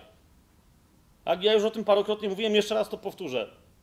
Ktoś z Was tutaj, a, a, ktokolwiek pomyśli o człowieku, który mógłby buńczucznie powiedzieć, że był w swoim życiu tak dobry, że był lepszy niż gorszy. I że on pamięta każdą kartkę z książki pamiątkowej każdego dnia swojego życia. Serio? Ludzie mówią, ej, ja nie jestem taki zły. Poważnie? Co robiłeś 13 dni temu? Co ci się wydarzyło w Twoim życiu dwa lata temu, 14 maja? A 17 lat temu, dobra, niektórzy zastu... Nie, wszyscy mają, chociaż nie, niektórzy może nie mają. O to mi idzie. Serio? Niektórzy nie pamiętają, co robili dzisiaj rano. Na przykład o 9.15. Ale w momencie, kiedy mieliby stanąć przed Bogiem, nagle mówią: Nie, ja pamiętam całe swoje życie, naprawdę. Było więcej dobrego niż złego. Na serio? Chcesz, żeby ktoś to wziął i zaczął czytać? O, i teraz jak się widzisz, jak mówisz bezbożnemu coś takiego, że, że, że Bóg weźmie i zacznie to czytać przy wszystkich. Nagle ludziom się odświeża pamięć. Że e, okej, okay, no bez przesady, naprawdę przy wszystkich będzie czytał. Naprawdę. No przecież mówisz, że luzy, że można czytać, no nie? 17 werset. O tych, którzy się boją Pana naprawdę, oni będą moją własnością, mówi Pan zastępów, w dniu, który ja przygotowuję i oszczędzę ich, jak ktoś oszczędza swojego syna, który mu służy. Słuchajcie, to, to czeka tych, którzy wierzą. Ale co mówi dalej? Wtedy znowu dostrzeżecie różnicę między sprawiedliwym a bezbożnym, między tym, kto Bogu służy, a tym, kto mu nie służy. Bo oto nadchodzi dzień, który pali jak piec. Wtedy wszyscy zuchwali i wszyscy, którzy czynili zło, staną się cierniem i spali ich ten nadchodzący dzień, mówi Pan zastępów, tak, że im nie pozostawi ani korzenia, ani gałązki. Rozumiesz? Jak wiesz, co się ma dalej dziać, a nie mówisz, że no, to są tajemnice pańskie, o tym, co trzeba wiedzieć, co się ma dalej dziać po śmierci, Biblia mówi wystarczająco dużo, żeby ostrzec bezbożnika. Ezechiela księgę jeszcze, jakbyśmy sobie otworzyli teraz tak, yy, myślę, ona jest po Izajaszu i po Jeremiaszu, yy, dla równowagi, bo niektórzy mówią, o Błaszkiewicz, znowu zacząłeś straszyć. Nie, bo, bo są inne rzeczy, niektórzy tak robią, tak? Łażą i straszą. Mówią, a dobra, miłość nie działa, łażą i mówią, czy jesteś gotowy na piekło? No, no, co? Więc 33 rozdział Ezechiela, otwórzcie 11 werset. Pamiętajcie, że Bóg o tym mówi tylko po to, żeby wstrząsnąć grzesznikiem, żeby go przyprowadzić do życia, żeby go przeprowadzić ze śmierci do życia, tak? Ale to nie jest jego zamysłem, że będzie tam, że kogoś tam chce palić. Ezechiela 33 rozdział 11 werset. Zobaczcie. Powiedz im, jaką żyw, mówi wszechmocny Pan, nie mam upodobania w śmierci bezbożnego. Rozumiecie? Nie ma czegoś takiego. Bóg mówi wyraźnie: Nie mam upodobania w śmierci bezbożnego, a raczej by się bezbożny odwrócił od swojej drogi i żył. To jest to, czego chce Pan. Zawróćcie, zawróćcie ze swoich złych dróg. Dlaczego macie umrzeć, domu izraelski? Mówi Pan. Więc za każdym razem, jak w innych miejscach będziemy mówić o jakichś tam. Yy, ostrzeżeniach Boga i tak dalej, co się może wydarzyć, za każdym razem pamiętajcie, że serce Boga dokładnie tak woła: zawróćcie, zawróćcie ze swoich złych dróg, bo jaką żyw, nie mam upodobania w śmierci bezbożnego, ale chcę, żeby żył. I teraz e, a propos tego, co powiedziałem, bo, e, bo oczywiście niektórzy tam od razu będą mieli pytanie, że jak to, ale modlitwa za zmarłych i jeszcze raz im, im więcej ktoś wierzył, ja nie chcę, znowu, ja nie chcę żadnej tradycji urazić, tak? Ale z drugiej strony nie zamierzam, żeby kogoś kultura, kulturowo nie urazić, nie zamierzam osłabiać e, pragnienia głoszenia Ewangelia u ty, Ewangelii u tych, u których to pragnienie płonie. Bo widzicie, im więcej w danej kulturze, w danym narodzie, w, danym, w danej społeczności, czy na kościele i tak dalej, im więcej wiary w to, że da się jeszcze coś zrobić dla martwego człowieka, tym mniej przejęcia się żywym człowiekiem. Im więcej kto ma doświadczenie, i teraz, żeby to było jasne, ja nie mówię teraz o protestantach, zielonoświątkowcach, katolikach. Zauważcie, y, w całym kościele katolickim y, ci święci, tak, którzy, prorocy i tak dalej, ci mistycy, którzy mieli wizję piekła, natychmiast zabierali się za robotę ewangelizacyjną, za głoszenie, za przeprowadzanie ludzi do Boga. Tak jak to umieli, tak jak to rozumieli. Jeżeli ktoś pomyśli sobie, że, że, że coś się da jeszcze zrobić dla kogoś, jak już ten ktoś umrze, to, to mówi, no to dobra, no to Bóg sobie jakoś poradzi, no nie? I niezależnie od tego, jak Bóg cię będzie popychać do głoszenia innym dobrej nowiny, do, do, troski o ich duszę, do walki, jak mówi Paweł, do głoś, do Tymoteusza mówi, głoś w porę i nie w porę. Nie rozumiesz? Że ty nie wiesz, ile ci ludzie mają czasu. Widzisz teraz kogoś, możesz mu dać świadectwo, możesz go przyprowadzić, on może umrzeć za chwilę, może wpaść pod samochód, może wejść do samochodu i się zabić w tym samochodzie. Ty tego nie wiesz. Ale ty mówisz, a dobra, spoko, Bóg sobie jakiś poradzi. Co? I wtedy dopiero zaczniesz się nim przejmować? Nie będziesz się modlić o jego duszę? Rozumiesz, a, a, a on tam z drugiej strony może już być sądzony, tak? Yy, I Ewangelię Jana sobie otwórzcie, żeby, żebyście zobaczyli, że naprawdę Pan Jezus to wyraźnie, tu wyraźnie sprawę postawił, tak? Ewangelia Jana, ósmy rozdział. Yy, 24 werset. On tu mówi do, oczywiście jak zwykle, tak? Yy, kłócąc się z Żydami, którzy tam mówią, że hej, my wiemy o co chodzi, mamy prawo, wszystko gra. Ósmy rozdział, 24 werset. Patrzcie, co się tam dzieje. Powiedziałem wam, że pomrzecie w grzechach swoich. I, i tyle. To jest jedyne, co Pan Jezus y, ma im do powiedzenia, żeby ich ostrzec. Powiedziałem wam, że pomrzecie w grzechach swoich. Patrzcie następne zdanie. Jeśli bowiem nie uwierzycie, że to ja jestem, pomrzecie w grzechach swoich. I mówi, a dla Żydów to jest jasne, tak? Oni mówi, ale my zachowujemy prawo. Nie. Jak we mnie nie uwierzycie, to umieracie w grzechach swoich. Nie uratuje was przestrzeganie prawa. I tyle. I nie mówi, że ale na szczęście potem, wiecie, za 400 lat powstaną tam specjalne kościoły, które się będą modlić za zmarłych, to może też się będą modlić za Żydów, no nie? Także nie przejmujcie się, pomrzecie w grzechach swoich, ale potem następni wam odpuszczą e, w czymś tam, no nie? No nie nikt nie może, nikt nie może tobie nic załatwić, to jest twoja sprawa między tobą i Bogiem. Tak? Hebrajczyków 9 rozdział jeszcze raz dla yy, yy, dla już ostatecznego podkreślenia tego tematu. Hebrajczyków 9 rozdział 27 werset. Yy, zobaczcie. To tak a propos też tych wszystkich, którzy wiecie, przychodzą i na przykład mówią, że nie ma sprzeczności między chrześcijaństwem a reinkarnacją. W sensie, co w ogóle. Ja już pomijam, że koncepcja tego, jak człowiek jest skonstruowany, po prostu to, to nie jest dusza, która sobie może wskakiwać w ciała jak kierowca w samochody, tak? Ale y, zwykle temat, czy chrześcijanin w ogóle może pogodzić wiarę y, we wszystko w to, co wierzą chrześcijanie, z wiarą w reinkarnację. Temat się kończy tutaj. Dziewiąty rozdział listu do Hebrajczyków, 27 werset. Postaw, postanowione jest ludziom raz umrzeć, a potem sąd. Dziękuję bardzo. I mamy całą dyskusję.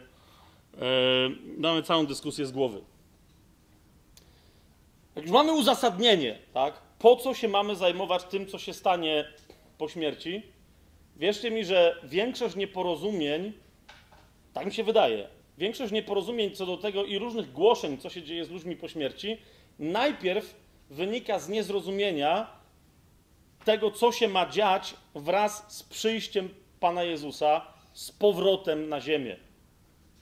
Ponieważ Chrystus nie skończył, Mesjasz nie skończył swojej misji, tak? Jak sobie yy, yy, chociażby otworzycie, dobra, nie, nie będziemy to, ale tam pamiętacie w czwartym rozdziale, już nie chcę tego cytować, bo to Jezus się pojawia w Nazarecie, tak? I zaczyna głosić z mocą, kim jest. Tak? Mówi, że jest Mesjaszem. Że jest Mesjaszem zapowiadanym i cytuje konkretny fragment księgi Izajasza. Tak? I teraz jak tam sobie przyjrzycie i wszyscy mówią, ok, fajnie, Izajasz coś zapowiedział, ale jak zobaczycie, który fragment cytuje, to nagle tam ze zdziwieniem niektórzy odkryją, że Jezus w zasadzie w połowie jednego zdania przerwał czytanie i mówi, no to, to w takim razie się spełnia na waszych oczach. Dlaczego? Ponieważ on tam opowiada o sobie jako o Mesjaszu, synu Józefa. Zresztą inni się pytają, czy, czy to nie jest syn Józefa tam wtedy? Tak? Mówi o sobie jako o Mesjaszu, który przyszedł ogłosić rok łaski od Pana, który jest miłosierny, który jest dobry, który leczy ludzi, który zbawia, który ich prowadzi do życia. A jak dalej przeczytacie, co się tam dzieje u, e, u Izajasza w tym proroctwie, on tam mówi, przyszedłem ogłosić rok łaski od Pana i dzień gniewu. I tam się zaczyna jazda, tak?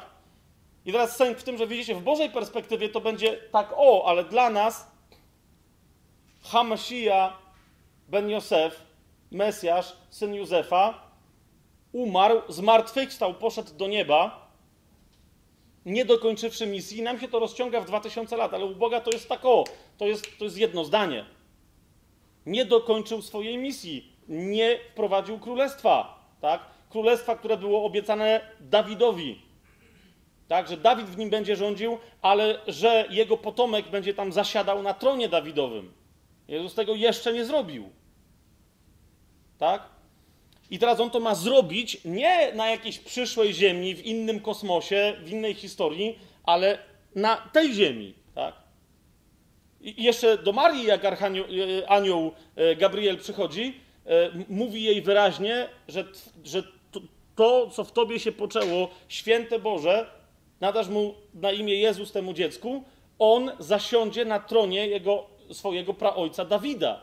To jest wyraźnie obietnica, która za życia Jezusa i po zmartwychwstaniu Jego jeszcze się nie spełniła. Tak? A więc, a więc od tego musimy zacząć. Tam niektórzy e, gdzieś tam raz drugim komentowali, że dobrze, ale czy w pierwszym kościele ktoś w ogóle, ojcowie kościoła, czy o tym wiedzieli? Dla ojców kościoła, dla tych, którzy w ogóle po Biblii później w drugim, trzecim, czwartym wieku tworzyli jakąś pierwotną teologię w kościele, ta informacja o królestwie była punktem wyjścia. Jezus głosił dobrą nowinę o czym? O królestwie, które nadciąga. Dlatego pomieszało się y, apostołom i oni, i oni się go pytali, kiedy wstępował do niego, mówi, no to wprowadzasz to królestwo, czy nie? A on mówi, to jeszcze nie jest wasza sprawa znać czasy i chwile. Jak to się wydarzy. Ale nie powiedział im, że nie zamierza go wprowadzać, tak? A więc zanim dojdziemy do tego momentu, co się indywidualnie z człowiekiem dzieje, musimy sobie przypomnieć, co się z ludźmi w ogóle będzie działo. I tu szybciutko tylko, bo myśmy o tym mówili zaraz na początku, e, zaraz na początku tajemnego planu, ale niekoniecznie wszyscy tego przesłuchali, czy niekoniecznie wszyscy e, o tym pamiętają. Więc jeszcze raz, zerknijmy sobie do 20 rozdziału objawienia świętego Jana, czy też Księgi Apokalipsy świętego Jana.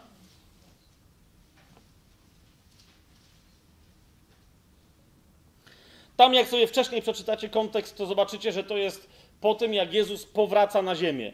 Tak? Wszyscy prorocy w Starym Testamencie o tym wyraźnie, Zachariasz na przykład wyraźnie o tym mówił, że Jezus postawi, Mesjasz postawi e, Hamasija ben Dawid, ta, ten, który przyjdzie jako potomek Dawida, postawi swoją stopę na Górze Oliwnej.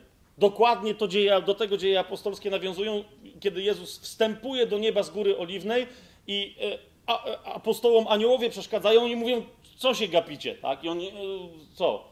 Tak? I ci nawiązując do właśnie proroctwa Zachariasza mówią, tak jak go widzicie stąd wstępującego, tak też stąpi z nieba. Zachariasz już zapowiadał, tak?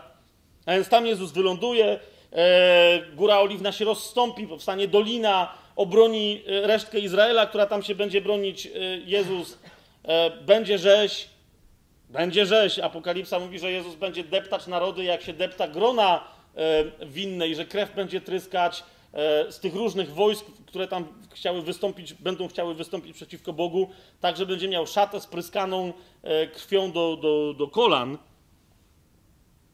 Ale jak już to wszystko się wydarzy, tak, zobaczcie, 20 rozdział, drugi werset. Anioł specjalnie w tym celu posłany z odpowiednią mocą pochwyci smoka, węża starodawnego, którym jest diabeł i szatan, i zwiąże go na tysiąc lat. O tym mówi objawienie 20 rozdział, drugi werset. Tak? Po czym wrzuci go do otchłani. E, tu a propos różnych rzeczy, które ludzi w różnych tam przestrzeniach czekają, my sobie dzisiaj nam się to pewnie nie uda, ale będziemy musieli następnym razem, kontynuując ten temat, rozróżnić różne rodzaje piekła, do którego można trafić. Tak? Ta otchłań, o którą tutaj chodzi, no właśnie, to jest otchłań, która prawdopodobnie w innych miejscach Biblii jest nazywana tartarem. Prawdopodobnie to jest jedno i to samo, ale to mówię, to będziemy mieli rozważanie, ale to nie jest to piekło, które na przykład Żydzi nazywali Szeolem, e, do którego uważali, że zmarli zstępują i na pewno to nie jest to piekło, e, o którym e, w hebrajskim się mówi Gehenna, a które e, należy skojarzyć z tym jeziorem ognia, które się pojawi zupełnie na samym końcu czasów po ostatnim sądzie ostatecznym. Tak? Więc tam tych piekieł, ale to jest jedno z tych piekieł podziemnych, e, nieognistych, chcę Wam na to zwrócić uwagę. Tam trafi, wrzuci go do otchłani, zamknął ją i położył nad nim pieczęć, aby już nie zwodził narodów, aż się dopełni owych tysiąc lat. Tak? Potem powstają trony, y, ale kto tam jest sądzony, kiedy Jezus powraca na ziemię? Zwróćcie uwagę. E, ożywają ci, którzy są Chrystusowi. O tym cały czwarty werset tam mówi e, wyraźnie. Ci ożyli i panowali z Chrystusem przez tysiąc lat. Piąty werset, bardzo istotny. Inni umarli, nie ożyli, aż się dopełniło tysiąc lat. To jest pierwsze zmartwychwstanie tak? E, niektórzy ludzie mówią, że no, e, tu zmartwychwstają tylko ci, którzy byli ścięci e, dla imienia Jezusa, którzy głosili, którzy nie przyjęli znamienia na czoło i na swoją rękę. Zaraz wam podam inne fragmenty, które wyraźnie mówią, że wszyscy, którzy wierzą w Chrystusa, właśnie wtedy zmartwychwstaną. I tylko ci, którzy wierzą w Chrystusa, wtedy zmartwychwstaną. To zrozumiejcie. Tak? To zmartwychwstanie jest tylko dla tych, którzy są zbawieni, którzy są usprawiedliwieni z łaski przez wiarę w Jezusa Chrystusa. Nie dla nikogo innego. Wiecie, w piątym wersecie wyraźnie napisane: Inni umarli, nie ożyli, aż się dopełniło tysiąc lat. To jest pierwsze zmartwychwstanie. I teraz jeszcze drugi bardzo istotny fragment, to jest szósty werset tego dwudziestego rozdziału. Błogosławiony i święty jest ten, który ma udział w tym pierwszym zmartwychwstaniu. Dlaczego?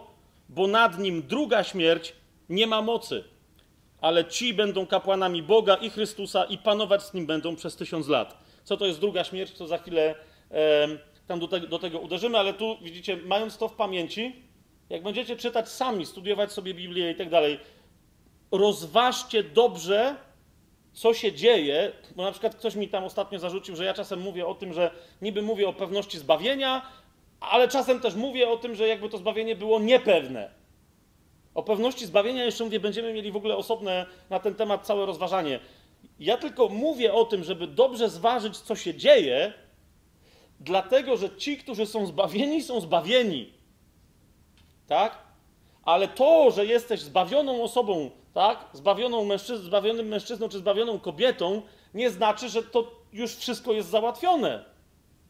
Pamiętacie, ostatnio nawet o tym mówiliśmy, tak? Drugi rozdział listu do Efezjan. Łaską jesteście zbawieni przez wiarę. Wszystko gra, ale po, do, do czego?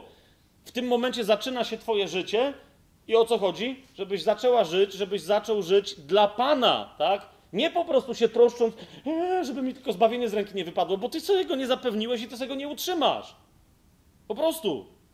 Ale od tej pory masz zacząć żyć czyniąc dobre rzeczy, które Pan dla ciebie przewidział. A więc Twoim zadaniem jest rozeznanie swojego osobistego powołania, rozeznanie swojej drogi życiowej, tak? Gdzie Bóg chce ciebie mieć, żebyś co robił, czy żebyś co robiła. A więc ten sąd, który tutaj się odbędzie, i, i zresztą potem niektórzy mówią, że jak to zbawienie jest tylko przez wiarę, a w wielu miejscach jest mowa o tym, że Pan nas będzie sądził z uczynków. Wierzących będzie sądził z uczynków wiary. Okay? uczynki nikogo nie zbawią. Tam nie ma żadnych, mówią, że o, to jest złożony temat. Nie, to jest prosty temat. Zbawienie przychodzi tylko i wyłącznie z łaski przez wiarę i, i koniec, tak? Ale w momencie, kiedy zaczynasz nowe życie w ten sposób, wówczas na tak założonym fundamencie masz budować. No tutaj szybko, nie miałem tego w planie, ale widzę, że musimy y, tam wskoczyć szybciutko. Jak sobie trzeci rozdział otworzycie listu, pierwszego listu do Koryntian,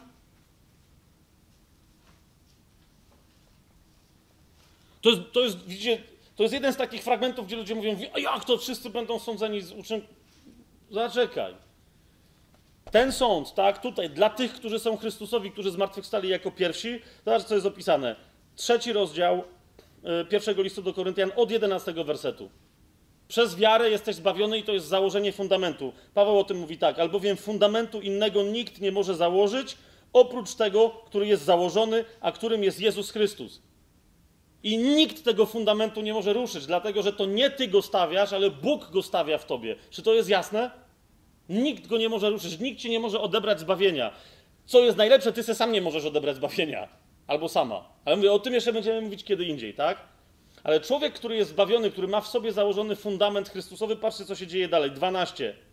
A czy ktoś na tym fundamencie wznosi budowę ze złota, ze srebra, z drogich kamieni, z drzewa, siana, słomy, to wyjdzie na jaw w jego dziele. To jest to, o czym ja wielokrotnie, wielokrotnie mówiłem, o wielkich dziełach, do których my jesteśmy stworzeni. Dzień sądny bowiem to pokaże. Jaki dzień sądny? Nie tego sądu ostatecznego dla wszystkich ludzi, ale dzień sądny dla wierzących. Dzień sądny bowiem to pokaże, gdyż w ogniu się objawi, a jakie jest dzieło każdego, wypróbuje ogień. Tak? Po pierwsze, mamy w 11 wersecie jasno powiedziane, że to jest sąd tylko dla tych, którzy budują na fundamencie Chrystusa, a więc dla nawróconych, ochrzczonych, wierzących. Ale mamy jeszcze dodatkowe zapewnienie od Pawła, że to dokładnie o to chodzi. Zobaczcie, 15 werset. Jeżeli czyjeś dzieło spłonie, Bo tam jest czternasty werset, tak? Jeżeli czyjeś dzieło zbudowane na tym fundamencie się ostoi, ten odbierze zapłatę. Łapiecie o co idzie? Zapłatą nie jest zbawienie. Zapłatą nie, zbawienie dostajesz za darmo. Ale nie zauważyliście nigdy, jak Paweł woła, że biegnie, żeby dostać zapłatę, biegnie do mety i nie ustaje, że walczy i ciosy zadaje jak pięściarz precyzyjnie prosto w dziób szatanowi? Bo oczekuje zapłaty. Poczytajcie sobie w objawieniu, jak Jezus mówi do, do różnych kościołów, tak? Mówi, zwycięzcy dam zapłatę i, i, wy, i wymienia różne rodzaje zapłaty. Co to będzie? Zwycięzcy dam nagrodę. To jest to. To, że będziesz zbawiony, to luzik, tak? Pytanie brzmi, czy będąc zbawionym, będziesz się cieszył tą, tą zapłatą, którą dostaniesz od Pana, czy co? 15 werset. Jeżeli czyjeś dzieło spłonie, bo co prawda przyjął Jezusa do swojego serca, a potem się zaczął bawić w religijne jakieś zasady, tak? Albo olał temat i poszedł w jakieś życie dziwne światowe, albo jeszcze nie wiadomo co. Jeżeli czyjeś dzieło spłonie, ten szkodę poniesie. I teraz zauważcie, co jest, za, co, co jest ze zbawieniem. Szkodę poniesie, bo straci zbawienie. Nie! On sam zbawiony będzie. Tak jednak, jak przez ogień. Jak przyjdzie przed Pana i powie, oto są moje dobre uczynki, i Pan pff, mówi, dobra, to przejdź, tutaj jest taka bramka specjalna, tam ogień, aaa! i wyjdzie z drugiej strony cały goły, no nie? To widzisz, w tym sensie, jak czasem rozmawiam z protestantami y, pewnego specyficznego typu i oni mi mówią, ja im mówię, że słuchajcie, według mnie jest czyściec. I oni mówią, kurde, katolik z ciebie wychodzi. Kiedy? Właśnie w tym momencie. Rozumiesz? Pamiętacie, jak dopiero co czytaliśmy, jak, jak Jezus mówi do Izraela, tak? Mówi, zobaczycie ludzi ze wschodu i z zachodu, którzy przyjdą i siądą na uczcie z, z Abrahamem, Izaakiem i Jakubem. Pamiętacie to? A, a im co mówi? A wy zostaniecie na zewnątrz, tam, gdzie będzie płacz i zgrzytanie zębów. Kapujecie, co jest grane? To, że ktoś będzie zbawiony, wcale on dotrze, on nie pójdzie do piekła, które będzie jeszcze później, za tysiąc lat dopiero. Ale wtedy, kiedy Jezus wróci na tej ziemi, królować, tak? A z nim będą tylko królować tylko ci, którzy wykażą się dziełami ze złota, srebra i z drogich kamieni. A inni wierzący nagle odkryją, że. Bo też zmartwychwstaną i powiedzą: Ej, no to my też wchodzimy. A Jezus powie: No, ale co jest grane? Przypomnijcie sobie wszystkie te przypowieści, to co mówił do Żydów, przypomnijcie sobie przypowieść o pannach głupich i mądrych. To są panny jakie? To są panny młode. Pamiętacie o tym, tak? One czekają na oblubieńca. A więc to są wszystkie zbawione osoby, tak?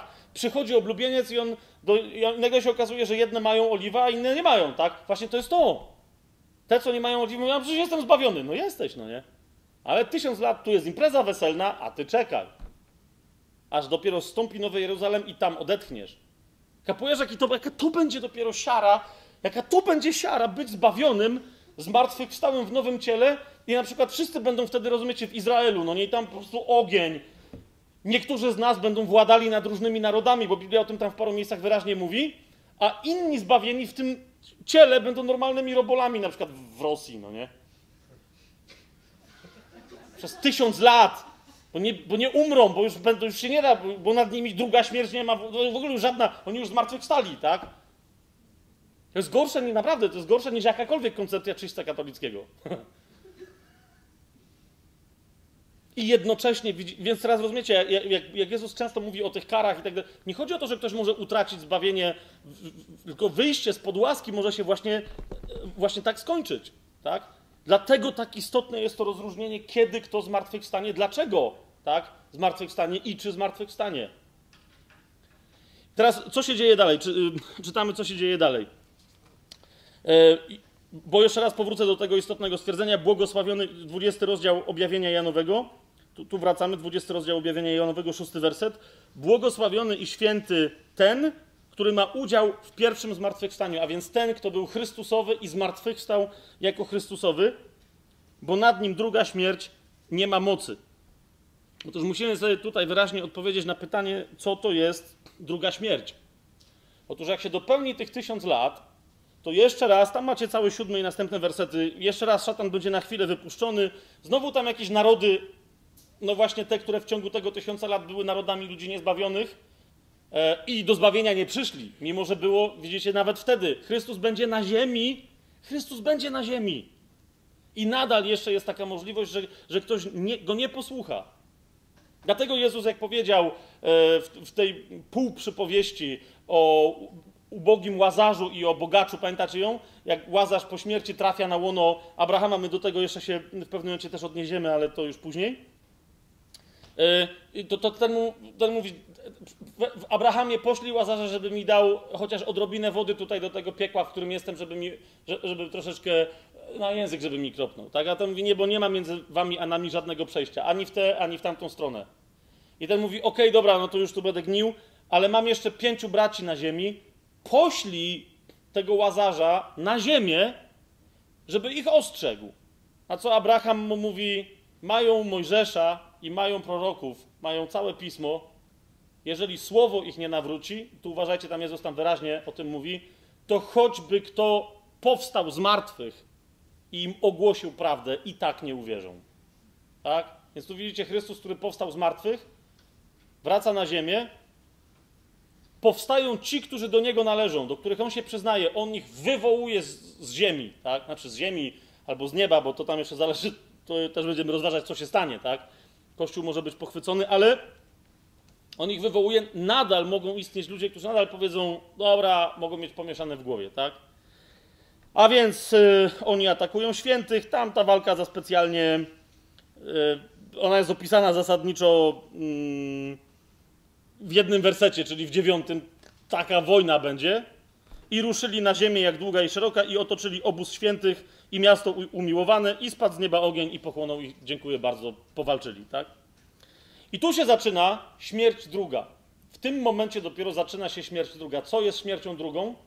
Wrzucenie do jeziora ognia, do tego, co, e, co Żydzi nazywali Gehenną, jak sądzę. To potem o tych nazwach sobie będziemy mówili więcej, ale żeby nie mieszać, to nazwijmy to sobie jeziorem ognia. Kto tam pierwszy trafił? Ano już przy pierwszym przyjściu Pana Jezusa do jeziora ognia trafiło zwierzę, zwane też w niektórych tłumaczeniach biblijnych bestią, oraz fałszywy prorok. Oni tam już są. Przy tej drugiej akcji, zauważcie 20 rozdział 10 werset, a diabeł, który ich zwodził, został wrzucony do jeziora z ognia i siarki, gdzie już znajduje się zwierzę i fałszywy prorok i będą dręczeni dniem i nocą na wieki wieków. Jasne to jest? Diabeł tam trafia, tam już antychryst, y, bestia z fałszywym prorokiem siedzą. I teraz zobaczcie, tam się zupełnie inna historia odbywa, tak? Jak wierzący byli sądzeni, zobaczymy jeszcze tam, kto nas będzie sądził, tam w innych miejscach Biblii są pewne sugestie zawarte, ale pamiętacie, że były ustawione trony, żeby sądzić wierzących, tak? Tu tron ustawiony jest tylko jeden, tak? Jedenasty werset 20 rozdziału. I widziałem wielki biały tron i tego, który na nim siedzi, przed którego obliczem pierzchła ziemia i niebo i miejsca dla nich nie było. Widzicie, dopiero tutaj, po tysiącletnim królestwie, kończy się świat tak?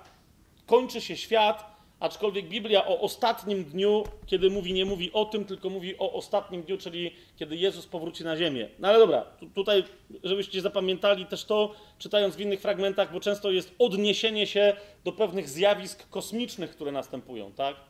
Jeżeli Biblia gdzieś mówi o tym, że niebo się zwinie, albo że już nie ma nieba i ziemi, to wiesz doskonale, że mowa jest o tym drugim sądzie, a nie o tym, które jest wykonywane przy pierwszym zmartwychwstaniu, bo zauważcie, po pierwszym zmartwychwstaniu Ziemia dalej istnieje. Widzieliście to, tak?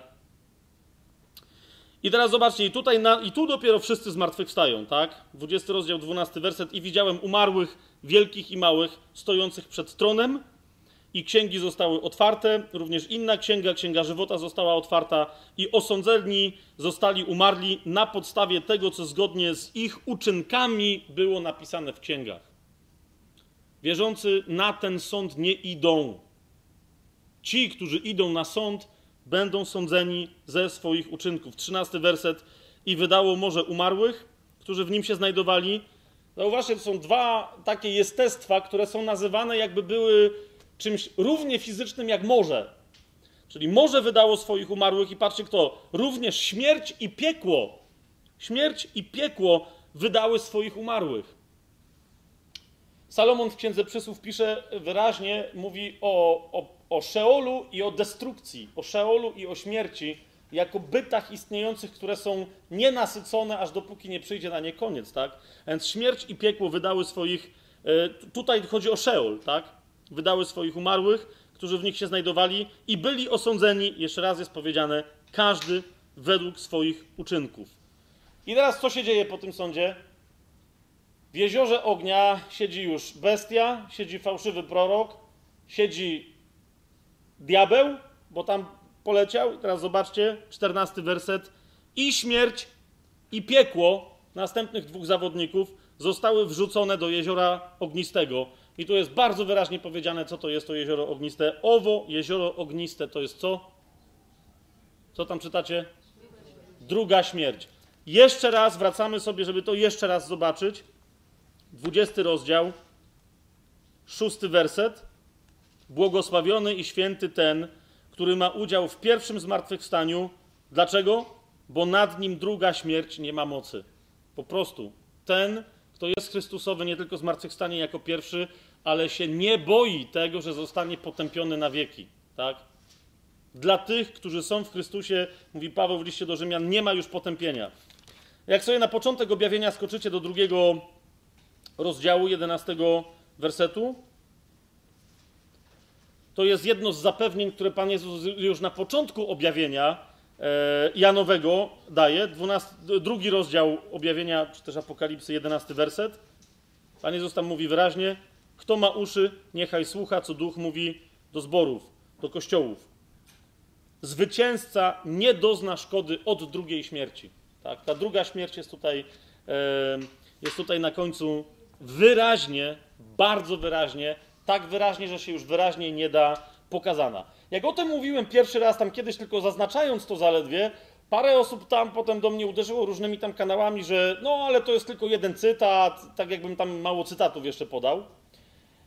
E, a ktoś tam mnie zapytał, że ale fajnie by było, żeby Pan Jezus tak nauczał. No, pomijam, że hello, w, w objawieniu Janowym kto naucza, ale okej, okay, otwórzcie sobie Ewangelię Jana,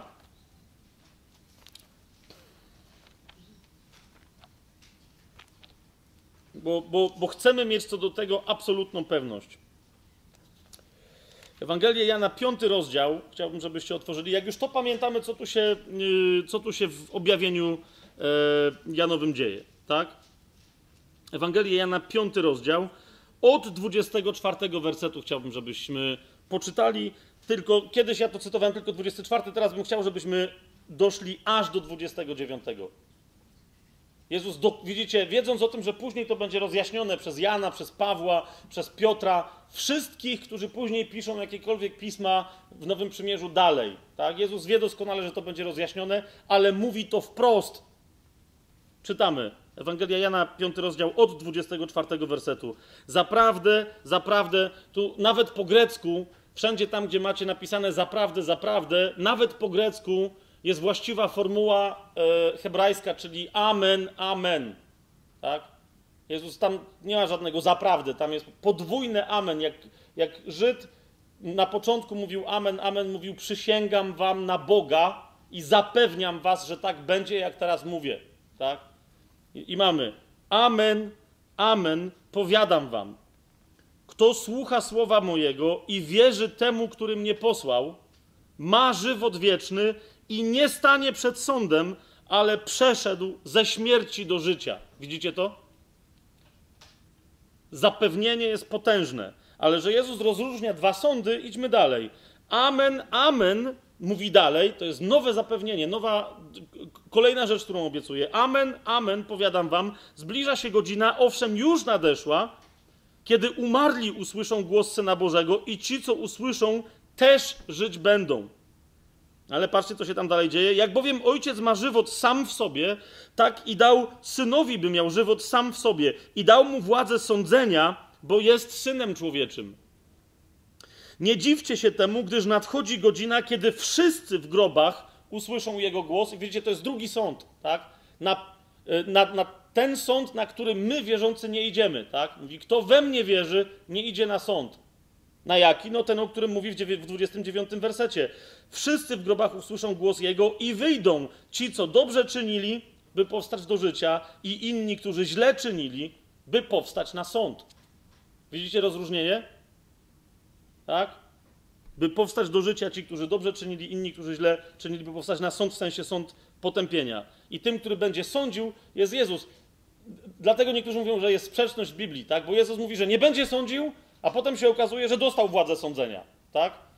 No bo nie będzie sądził tych, którzy są Jego, ale na tym jednym tronie tak, zasiądzie jako sędzia, bo ojciec chce, żeby sądził tak, tych, którzy nie chcieli być jego.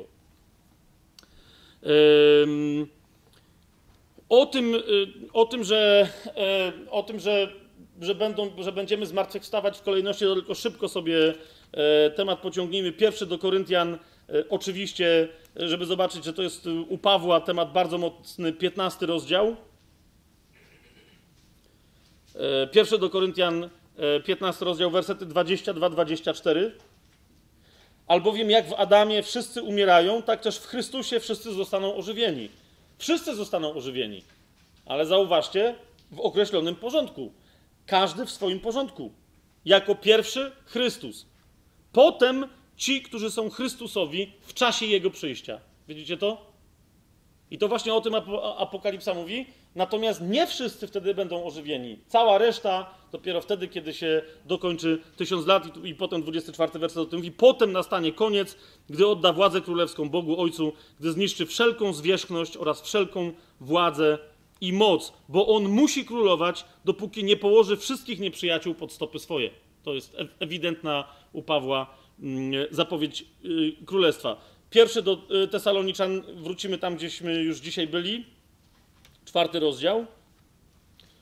Eee, I tu już spokojnie od 13 wersetu możemy poczytać. Pierwszy do Tesaloniczan, czwarty rozdział, od 13 wersetu. A nie chcemy, bracia, abyście byli w niepewności co do tych, którzy zasnęli, abyście się nie smucili jak drudzy, którzy nie mają nadziei.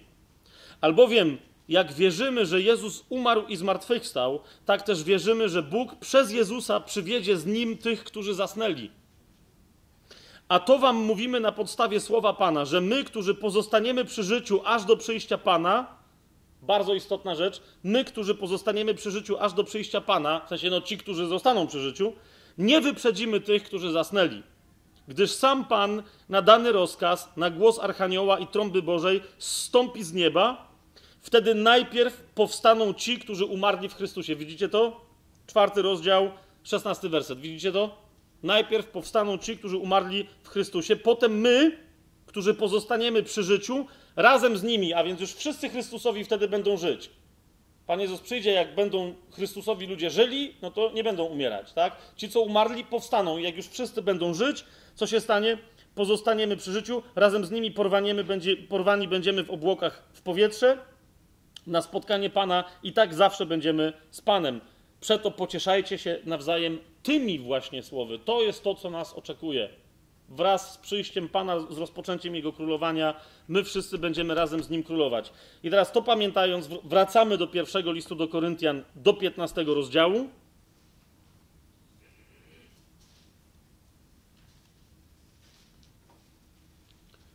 Bo właśnie o tym momencie tam Paweł też mówi. Pierwszy do Koryntian, 15 rozdział, od 51 wersetu. Wiecie, to jest jedna z tych rzeczy, która, jak się już te tajemnice zna i czytasz Stare Przymierza, to widzisz tam te tajemnice. Chociaż mam wrażenie, że na przykład Dawid, który wielokrotnie te tajemnice ujawnił, sam nawet nie wiedział, że ją ujawnia, bo jej nie znał. Tak? Bo dopiero tutaj Paweł mówi, że ujawnia te tajemnice. Pierwszy list do Koryntian, 15 rozdział, 51 werset. Oto tajemnicę wam objawiam. Nie wszyscy zaśniemy, ale wszyscy będziemy przemienieni. W jednej chwili, w mgnieniu oka, na odgłos trąby ostatecznej, bo trąba zabrzmi i umarli wzbudzeni zostaną jako nieskażeni, a my zostaniemy przemienieni. Albowiem to, co skażone, musi przyoblec się w to, co nieskażone, a to, co śmiertelne, musi przyoblec się w nieśmiertelność. A gdy to, co skażone, przeoblecza się w to, co nieskażone, i to, co śmiertelne, przeoblecza się w nieśmiertelność, wtedy wypełni się słowo napisane: Pochłonięta jest śmierć w zwycięstwie. I gdzież jest o śmierci zwycięstwo Twoje? Gdzie jest o śmierci żądło Twoje? Żądłem śmierci jest grzech, mocą grzechu jest zakon i tak dalej, ale, ale wiemy, że tych, którzy wierzą w Chrystusa, którzy żyją z Jego łaski, nie dotyka ostatecznie śmierć, a udowodnią to w swoim zmartwychwstaniu. Pan Jezus to udowodni, wzbudzając ich w ten sposób z martwych. Sam Jezus też wielokrotnie o, o tym podwójnym, właśnie u Jana już widzieliście, że, że o tym mówił. E, Łukasza, jak sobie otworzycie 26 rozdział.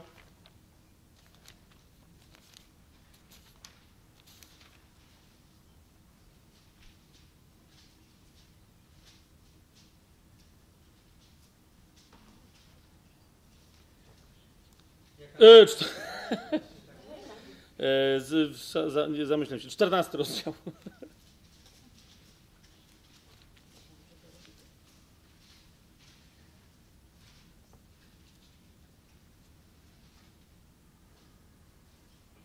Czternasty rozdział i czternasty werset.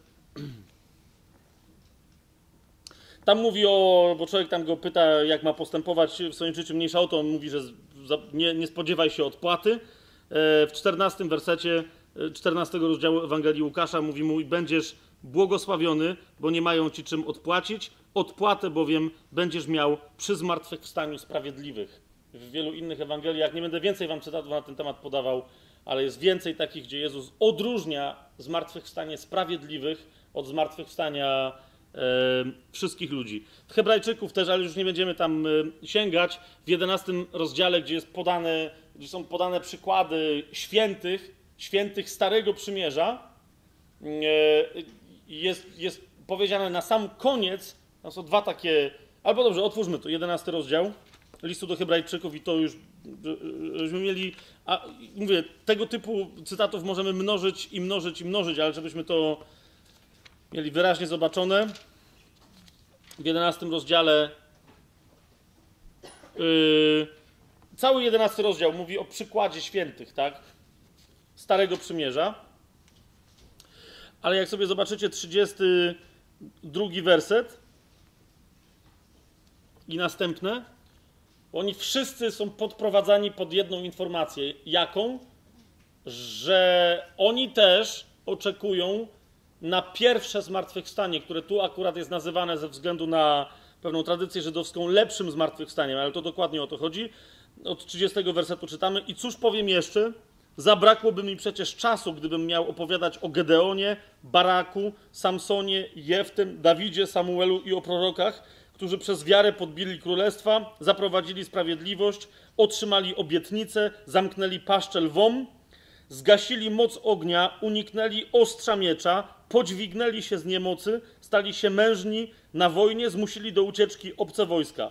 Kobiety otrzymały z powrotem swoich zmarłych przez wskrzeszenie, inni zaś zostali zamęczeni na śmierć, nie przyjąwszy uwolnienia, uwaga, aby dostąpić lepszego zmartwychwstania. Widać, że ta świadomość była jeszcze przed nowotestamentowa. Tak?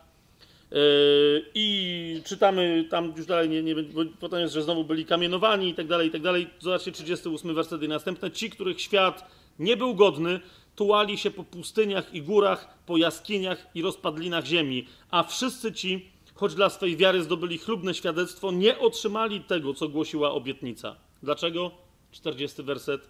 Ponieważ Bóg przewidział ze względu na nas coś lepszego, mianowicie, aby nie osiągnęli celu bez nas. Jeszcze raz, wszyscy ci, którzy są Chrystusowi, nieważne z jakiego są czasu, to jest to, o czym wcześniej czytaliśmy u Pawła, nikt nikogo nie wyprzedzi. W pierwszym zmartwychwstaniu wszyscy, tak, ci, którzy nie żyją, zmartwychwstaną, ci, którzy żyją, na nich zaczekają i wszyscy zostaniemy przemienieni, ale w tych przemienionych yy, ciałach będziemy yy, funkcjonować jeszcze na tej ziemi w tysiącletnim królestwie. O tym pamiętajcie za każdym razem, kiedy w różnych mie miejscach będzie, e, e, będzie mowa o, o sądzeniu, będzie mowa o zmartwychwstaniu, e, bo, bo niektórzy mówią, że nie, nie wszystkie zmartwychwstania są e, opisane w sposób radosny w Biblii. Oczywiście, że nie. Tak? Bo jest mowa o zmartwychwstaniu do życia i o zmartwychwstaniu do potępienia. Ci, którzy zmartwychwstaną do potępienia, nie będzie dla nich absolutnie żadną radością tego rodzaju powstawanie z martwych. Teraz, jak już mamy zarysowaną tę perspektywę i, i o niej cały czas musimy pamiętać, okay, to teraz powstaje pytanie: OK, ale co z tymi wszystkimi, być może także z nami, którzy nie doczekają przyjścia Pana Jezusa, mówię teraz o wierzących, i umrą zanim On przyjdzie. Co się wtedy dzieje? Idą do nieba? No, niebo we właściwym sensie się pojawi dopiero po tysiącletnim królestwie i dostęp do niego. Pójdą tam czy nie pójdą? Gdzie się znajdą? Co z tymi, którzy umrą jako niewierzący? I teraz znowu od razu pójdą do piekła? Do którego? Tak? To, co potrzebujemy, dzisiaj już tego nie zrobimy, ja tylko, to widzicie, byśmy zarysowali ledwo tematykę, tak? Ale te tematy, które następnym razem poruszymy i pytania, na które sobie odpowiemy, to będzie, czy istnieje jedno niebo, skoro Paweł powiedział, że nie wie za bardzo, czy w ciele, czy nie w ciele, ale został wzięty do trzeciego. Okej. Okay. Co więcej, on zaznacza wyraźnie, że został wzięty do duchowego trzeciego nieba, ponieważ Stare Przymierza znają opis, oni mówią wyraźnie, że jest jedno niebo. A propos tych wszystkich łosiów, którzy twierdzą, że Biblia nie rozumie, nie odróżnia z e, atmosfery od stratosfery i od kosmosu i tak dalej, tak? Biblia mówi wyraźnie, że są trzy nieba w sensie fizycznym. Jedno niebo to jest tam, gdzie są chmury, tak? Wszystkie możliwe chmury. Drugie niebo jest ponad nimi, tam, gdzie są gwiazdy, cała ta ogromna przestrzeń. A trzecie niebo znajduje się w innym wymiarze ponad tymi dwoma wymiarami. Tak? Ale tu Pawłowi ewidentnie nie chodzi o to niebo. Raz. Druga rzecz. Tak? Raz druga rzecz. W tej półprzypowieści musimy sobie wyjaśnić, dlaczego to jest półprzypowieść. Które elementy tej półprzypowieści są przypowieścią, a które są realne.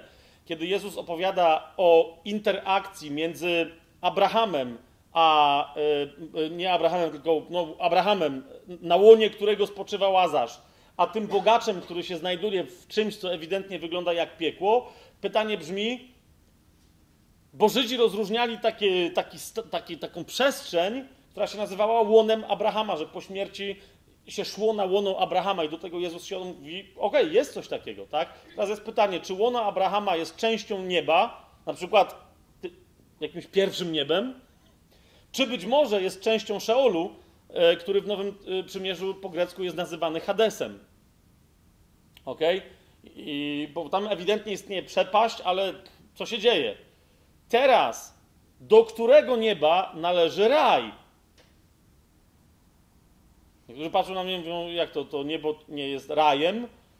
No jest wyraźnie powiedziane, że Jezus, zanim wstąpił na górę, stąpił po swojej śmierci. Pamiętacie, zanim zmartwychwstał, tak? Stąpił w podziemia, żeby duchom tam uwięzionym wyjaśnić, jak się sprawy mają, tak? Być może duchom ludzkim, być może też tym nieludzkim, tak? Ale kwestia brzmi, jeżeli powiedział, pismo mówi, że stąpił, to dlaczego on powiedział wiszącemu obok niego facetowi, jeszcze dzisiaj będziesz ze mną w raju? Zwłaszcza, że jesteśmy w tym samym Nowym Przymierzu, w którym na przykład objawienie mówi, że raj to jest, uwaga, ten sam raj, w którym znajduje się drzewo życia, z którego można jeść. Dlaczego? Bo jednemu, jedna z nagród, e, o, której, o których Jezus mówi do kościołów, e, na tym polega, że dostąpisz, pozwolę ci wejść do raju, e, gdzie jest drzewo życia, z którego będziesz mógł jeść. Tak? Teraz jest więc pytanie, czy to są te same rzeczywistości, czy różne, które to jest niebo co do samego piekła, tak? Pytanie brzmi, czy Sheol to jest to samo co Hades? Dlaczego Pismo Święte opowiada o tym, że jak ktoś wstąpi do Szeolu, to stamtąd już nie może wyjść? Dlaczego to jest kraina mroku i ciszy? A z drugiej strony wyraźnie pojawiają się no, wręcz, tak? Niektórzy mówią, że o, do, do Szeolu nie wiadomo co schodzi, bo przecież Pan powiedział wyraźnie, że przekleństwo na Adama spada takie, że wróci się proch do prochu i co? Więc może tam w ogóle to jest tylko taki symbol, tak? Ale jeżeli nie, no to jak można wyjść z Szeolu, tak? Czy Szeol to jest Hades? Jeżeli nawet tak, to co to jest w takim razie Tartar? Co to jest Gehenna? Widzicie, my często polskim tłumaczeniu mamy powiedziane po prostu piekło, piekło, piekło, piekło i piekło. Ewentualnie czasem jest kraina umarłych, kraina umarłych, piekło, piekło, piekło i tak dalej. A w oryginale okazuje się Hades, Sheol, Tartar, Gehenna. A jeszcze jezioro ognia, kraina cieni i nagle wszyscy mówią, kurde, mola, Tam jest cała geografia, powiadam ci. Geografia i topografia. Tak? I geografia, i topografia. Nie dość, że tam są krainy, które mają swoje rozmieszczenie, to jeszcze y, niektóre się znajdują wyżej, inne niżej, i to się okazuje mieć znaczenie. Pomiędzy niektórymi istnieją przepaści, których się nie da przebyć, ponad innymi da się latać. Okej, tak patrzycie na mnie i mówicie, okej, okay, będzie władca pierścieni, czwarta część. Nie, mówię wam, mówię wam tylko, że, że, że powinniśmy zejść głębiej i tu naprawdę potrzebujemy sobie pokazać fragmenty, w których jest mowa o czym, tak? Gdzie jest Sheol, gdzie, yy, yy, gdzie Hades, gdzie to jest jedno i to samo, co może być Gehenną, tak? Dlaczego jedno i drugie jest prawdą, czyli dlaczego rzeczywiście niektórzy wstępując do Szeolu w zasadzie stamtąd już nie wyjdą, a czy wyjdą tylko, widzicie, w tym momencie, bo Szeol to jest to piekło, które jest wrzucone do jeziora ognia, tak? Niektórym tu już się mózg glasuje. Mówią, zaraz, czyli piekło będzie wrzucone do piekła? No właśnie. Tak? Ci, którzy byli w tamtym piekle, zostaną uwolnieni częstokroć tylko po to, żeby wpaść do tego następnego. Tak? I teraz ten Szeol to nie jest ten płacz i zgrzytanie zębów tych wszystkich, którzy będą zbawieni, którzy do żadnego piekła nie trafią, ale nie będą królować razem z Chrystusem. Tak? Dodatkowo będziemy jeszcze mieli parę parę, y, parę pytań, bo jak zobaczymy, czym się jedno od drugiego różni, to automatycznie to powinno nam otworzyć oczy na to, jak funkcjonuje człowiek i że chociaż wszyscy z zamysłu Bożego powinniśmy się składać z ducha, z duszy i z ciała, to właśnie dlatego, że niektórzy nie wchodzą na drogę pańską, ducha mają, ale tylko po to, żeby ich ducha podtrzymywał w istnieniu, ale z niego nie korzystają, ok? I dlatego wierzący z całą swobodą, wiedząc o tym, bo funkcjonują w duchu, mówią tak jak Szczepan, Panie Jezu, przyjmij ducha mego. Mówią tak jak Jezus sam, Ojcze, w Twoje ręce składam ducha mojego. A ci, którzy idą na wieczne potępienie, są tak bardzo tego swojego ducha pozbawieni, że Jezus wręcz o tym duchu w ich przypadku w ogóle nie wspomina. Kiedy mówi, pamiętacie, w wielu fragmentach I ja sobie następnym razem mocniej rozważymy, jak, jak mówi o tym, nie bójcie się tego, który może, kogokolwiek, kto może zabić ciało.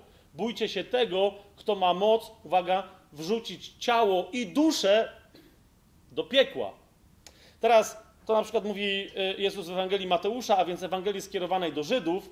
Każdy Żyd natychmiast zauważa, że nie można, mając ducha, pełnego, żywego, a nie martwego, nie można pójść do piekła. Sam fakt, że go masz, powoduje, że tam nie idziesz. Tak? Ale widzisz, dzięki rozważeniu tego, co się dzieje po śmierci, możemy znaleźć parę elementów, które pomogą nam tu, na tej ziemi, rozróżniać tych, na przykład, którzy są nas, naszymi braćmi i siostrami, tak? Ponieważ istnieją konkretne znaki tych ludzi, którzy mają ducha i znaki, które ich odróżniają, bo mają ducha, od tych, którzy go mają, ale martwego.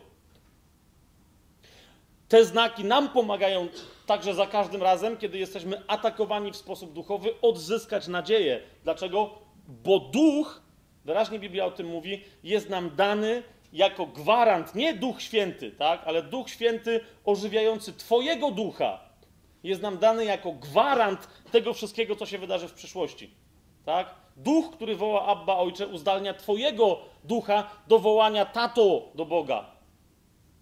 I to jest dla Ciebie gwarancją wszystkiego, co w przyszłości nastąpi. I dlatego Paweł pod koniec pierwszego listu do Tesaloniczan e, woła, mówi, modlę się o to, żeby wasz, żebyście w całości, a więc wasz duch, dusza i ciało w nienaruszonej całości doczekały na przyjście Pana. Nigdy Biblia nie mówi o ludziach, którzy, którzy są bezbożni, nigdy nie mówi o nich w takiej całości. Na przykład Jezus, kiedy mówi do, do, do jeziora ognia, możecie wtrącić ten, kto wtrąca duszę i ciało, ale on nie ma żadnej władzy nad duchem. A więc widzicie, y, te i jeszcze wiele innych pytań, tak? Co to, w jaki sposób, y, w jaki sposób mogły się dokonywać zmartwych wzbudzenia przed powszechnym jednym i drugim zmartwychwstaniem? Bo Jezus, e, bo Jezus takich zmartwychwzbudzeń dokonywał, ale nie tylko Jezus. Później apostołowie też, tak? To co to w, te, w takim razie było? Co, Jaka jest różnica między takim zmartwych e, a zmartwych wstaniem, tak? Co, co się tu dzieje? Czy my dzisiaj możemy te, tego typu e, znaków także dokonywać, tak? I tak dalej, i tak dalej. Pytań jest mnóstwo. Specjalnie je zadałem, żeby powiedzieć, że następnym razem na nie odpowiemy. Żebyście mi teraz ich nie zadawali. Jeżeli natomiast teraz macie jakieś pytania, które, które nie należy do tych pytań, to śmiało zapraszam.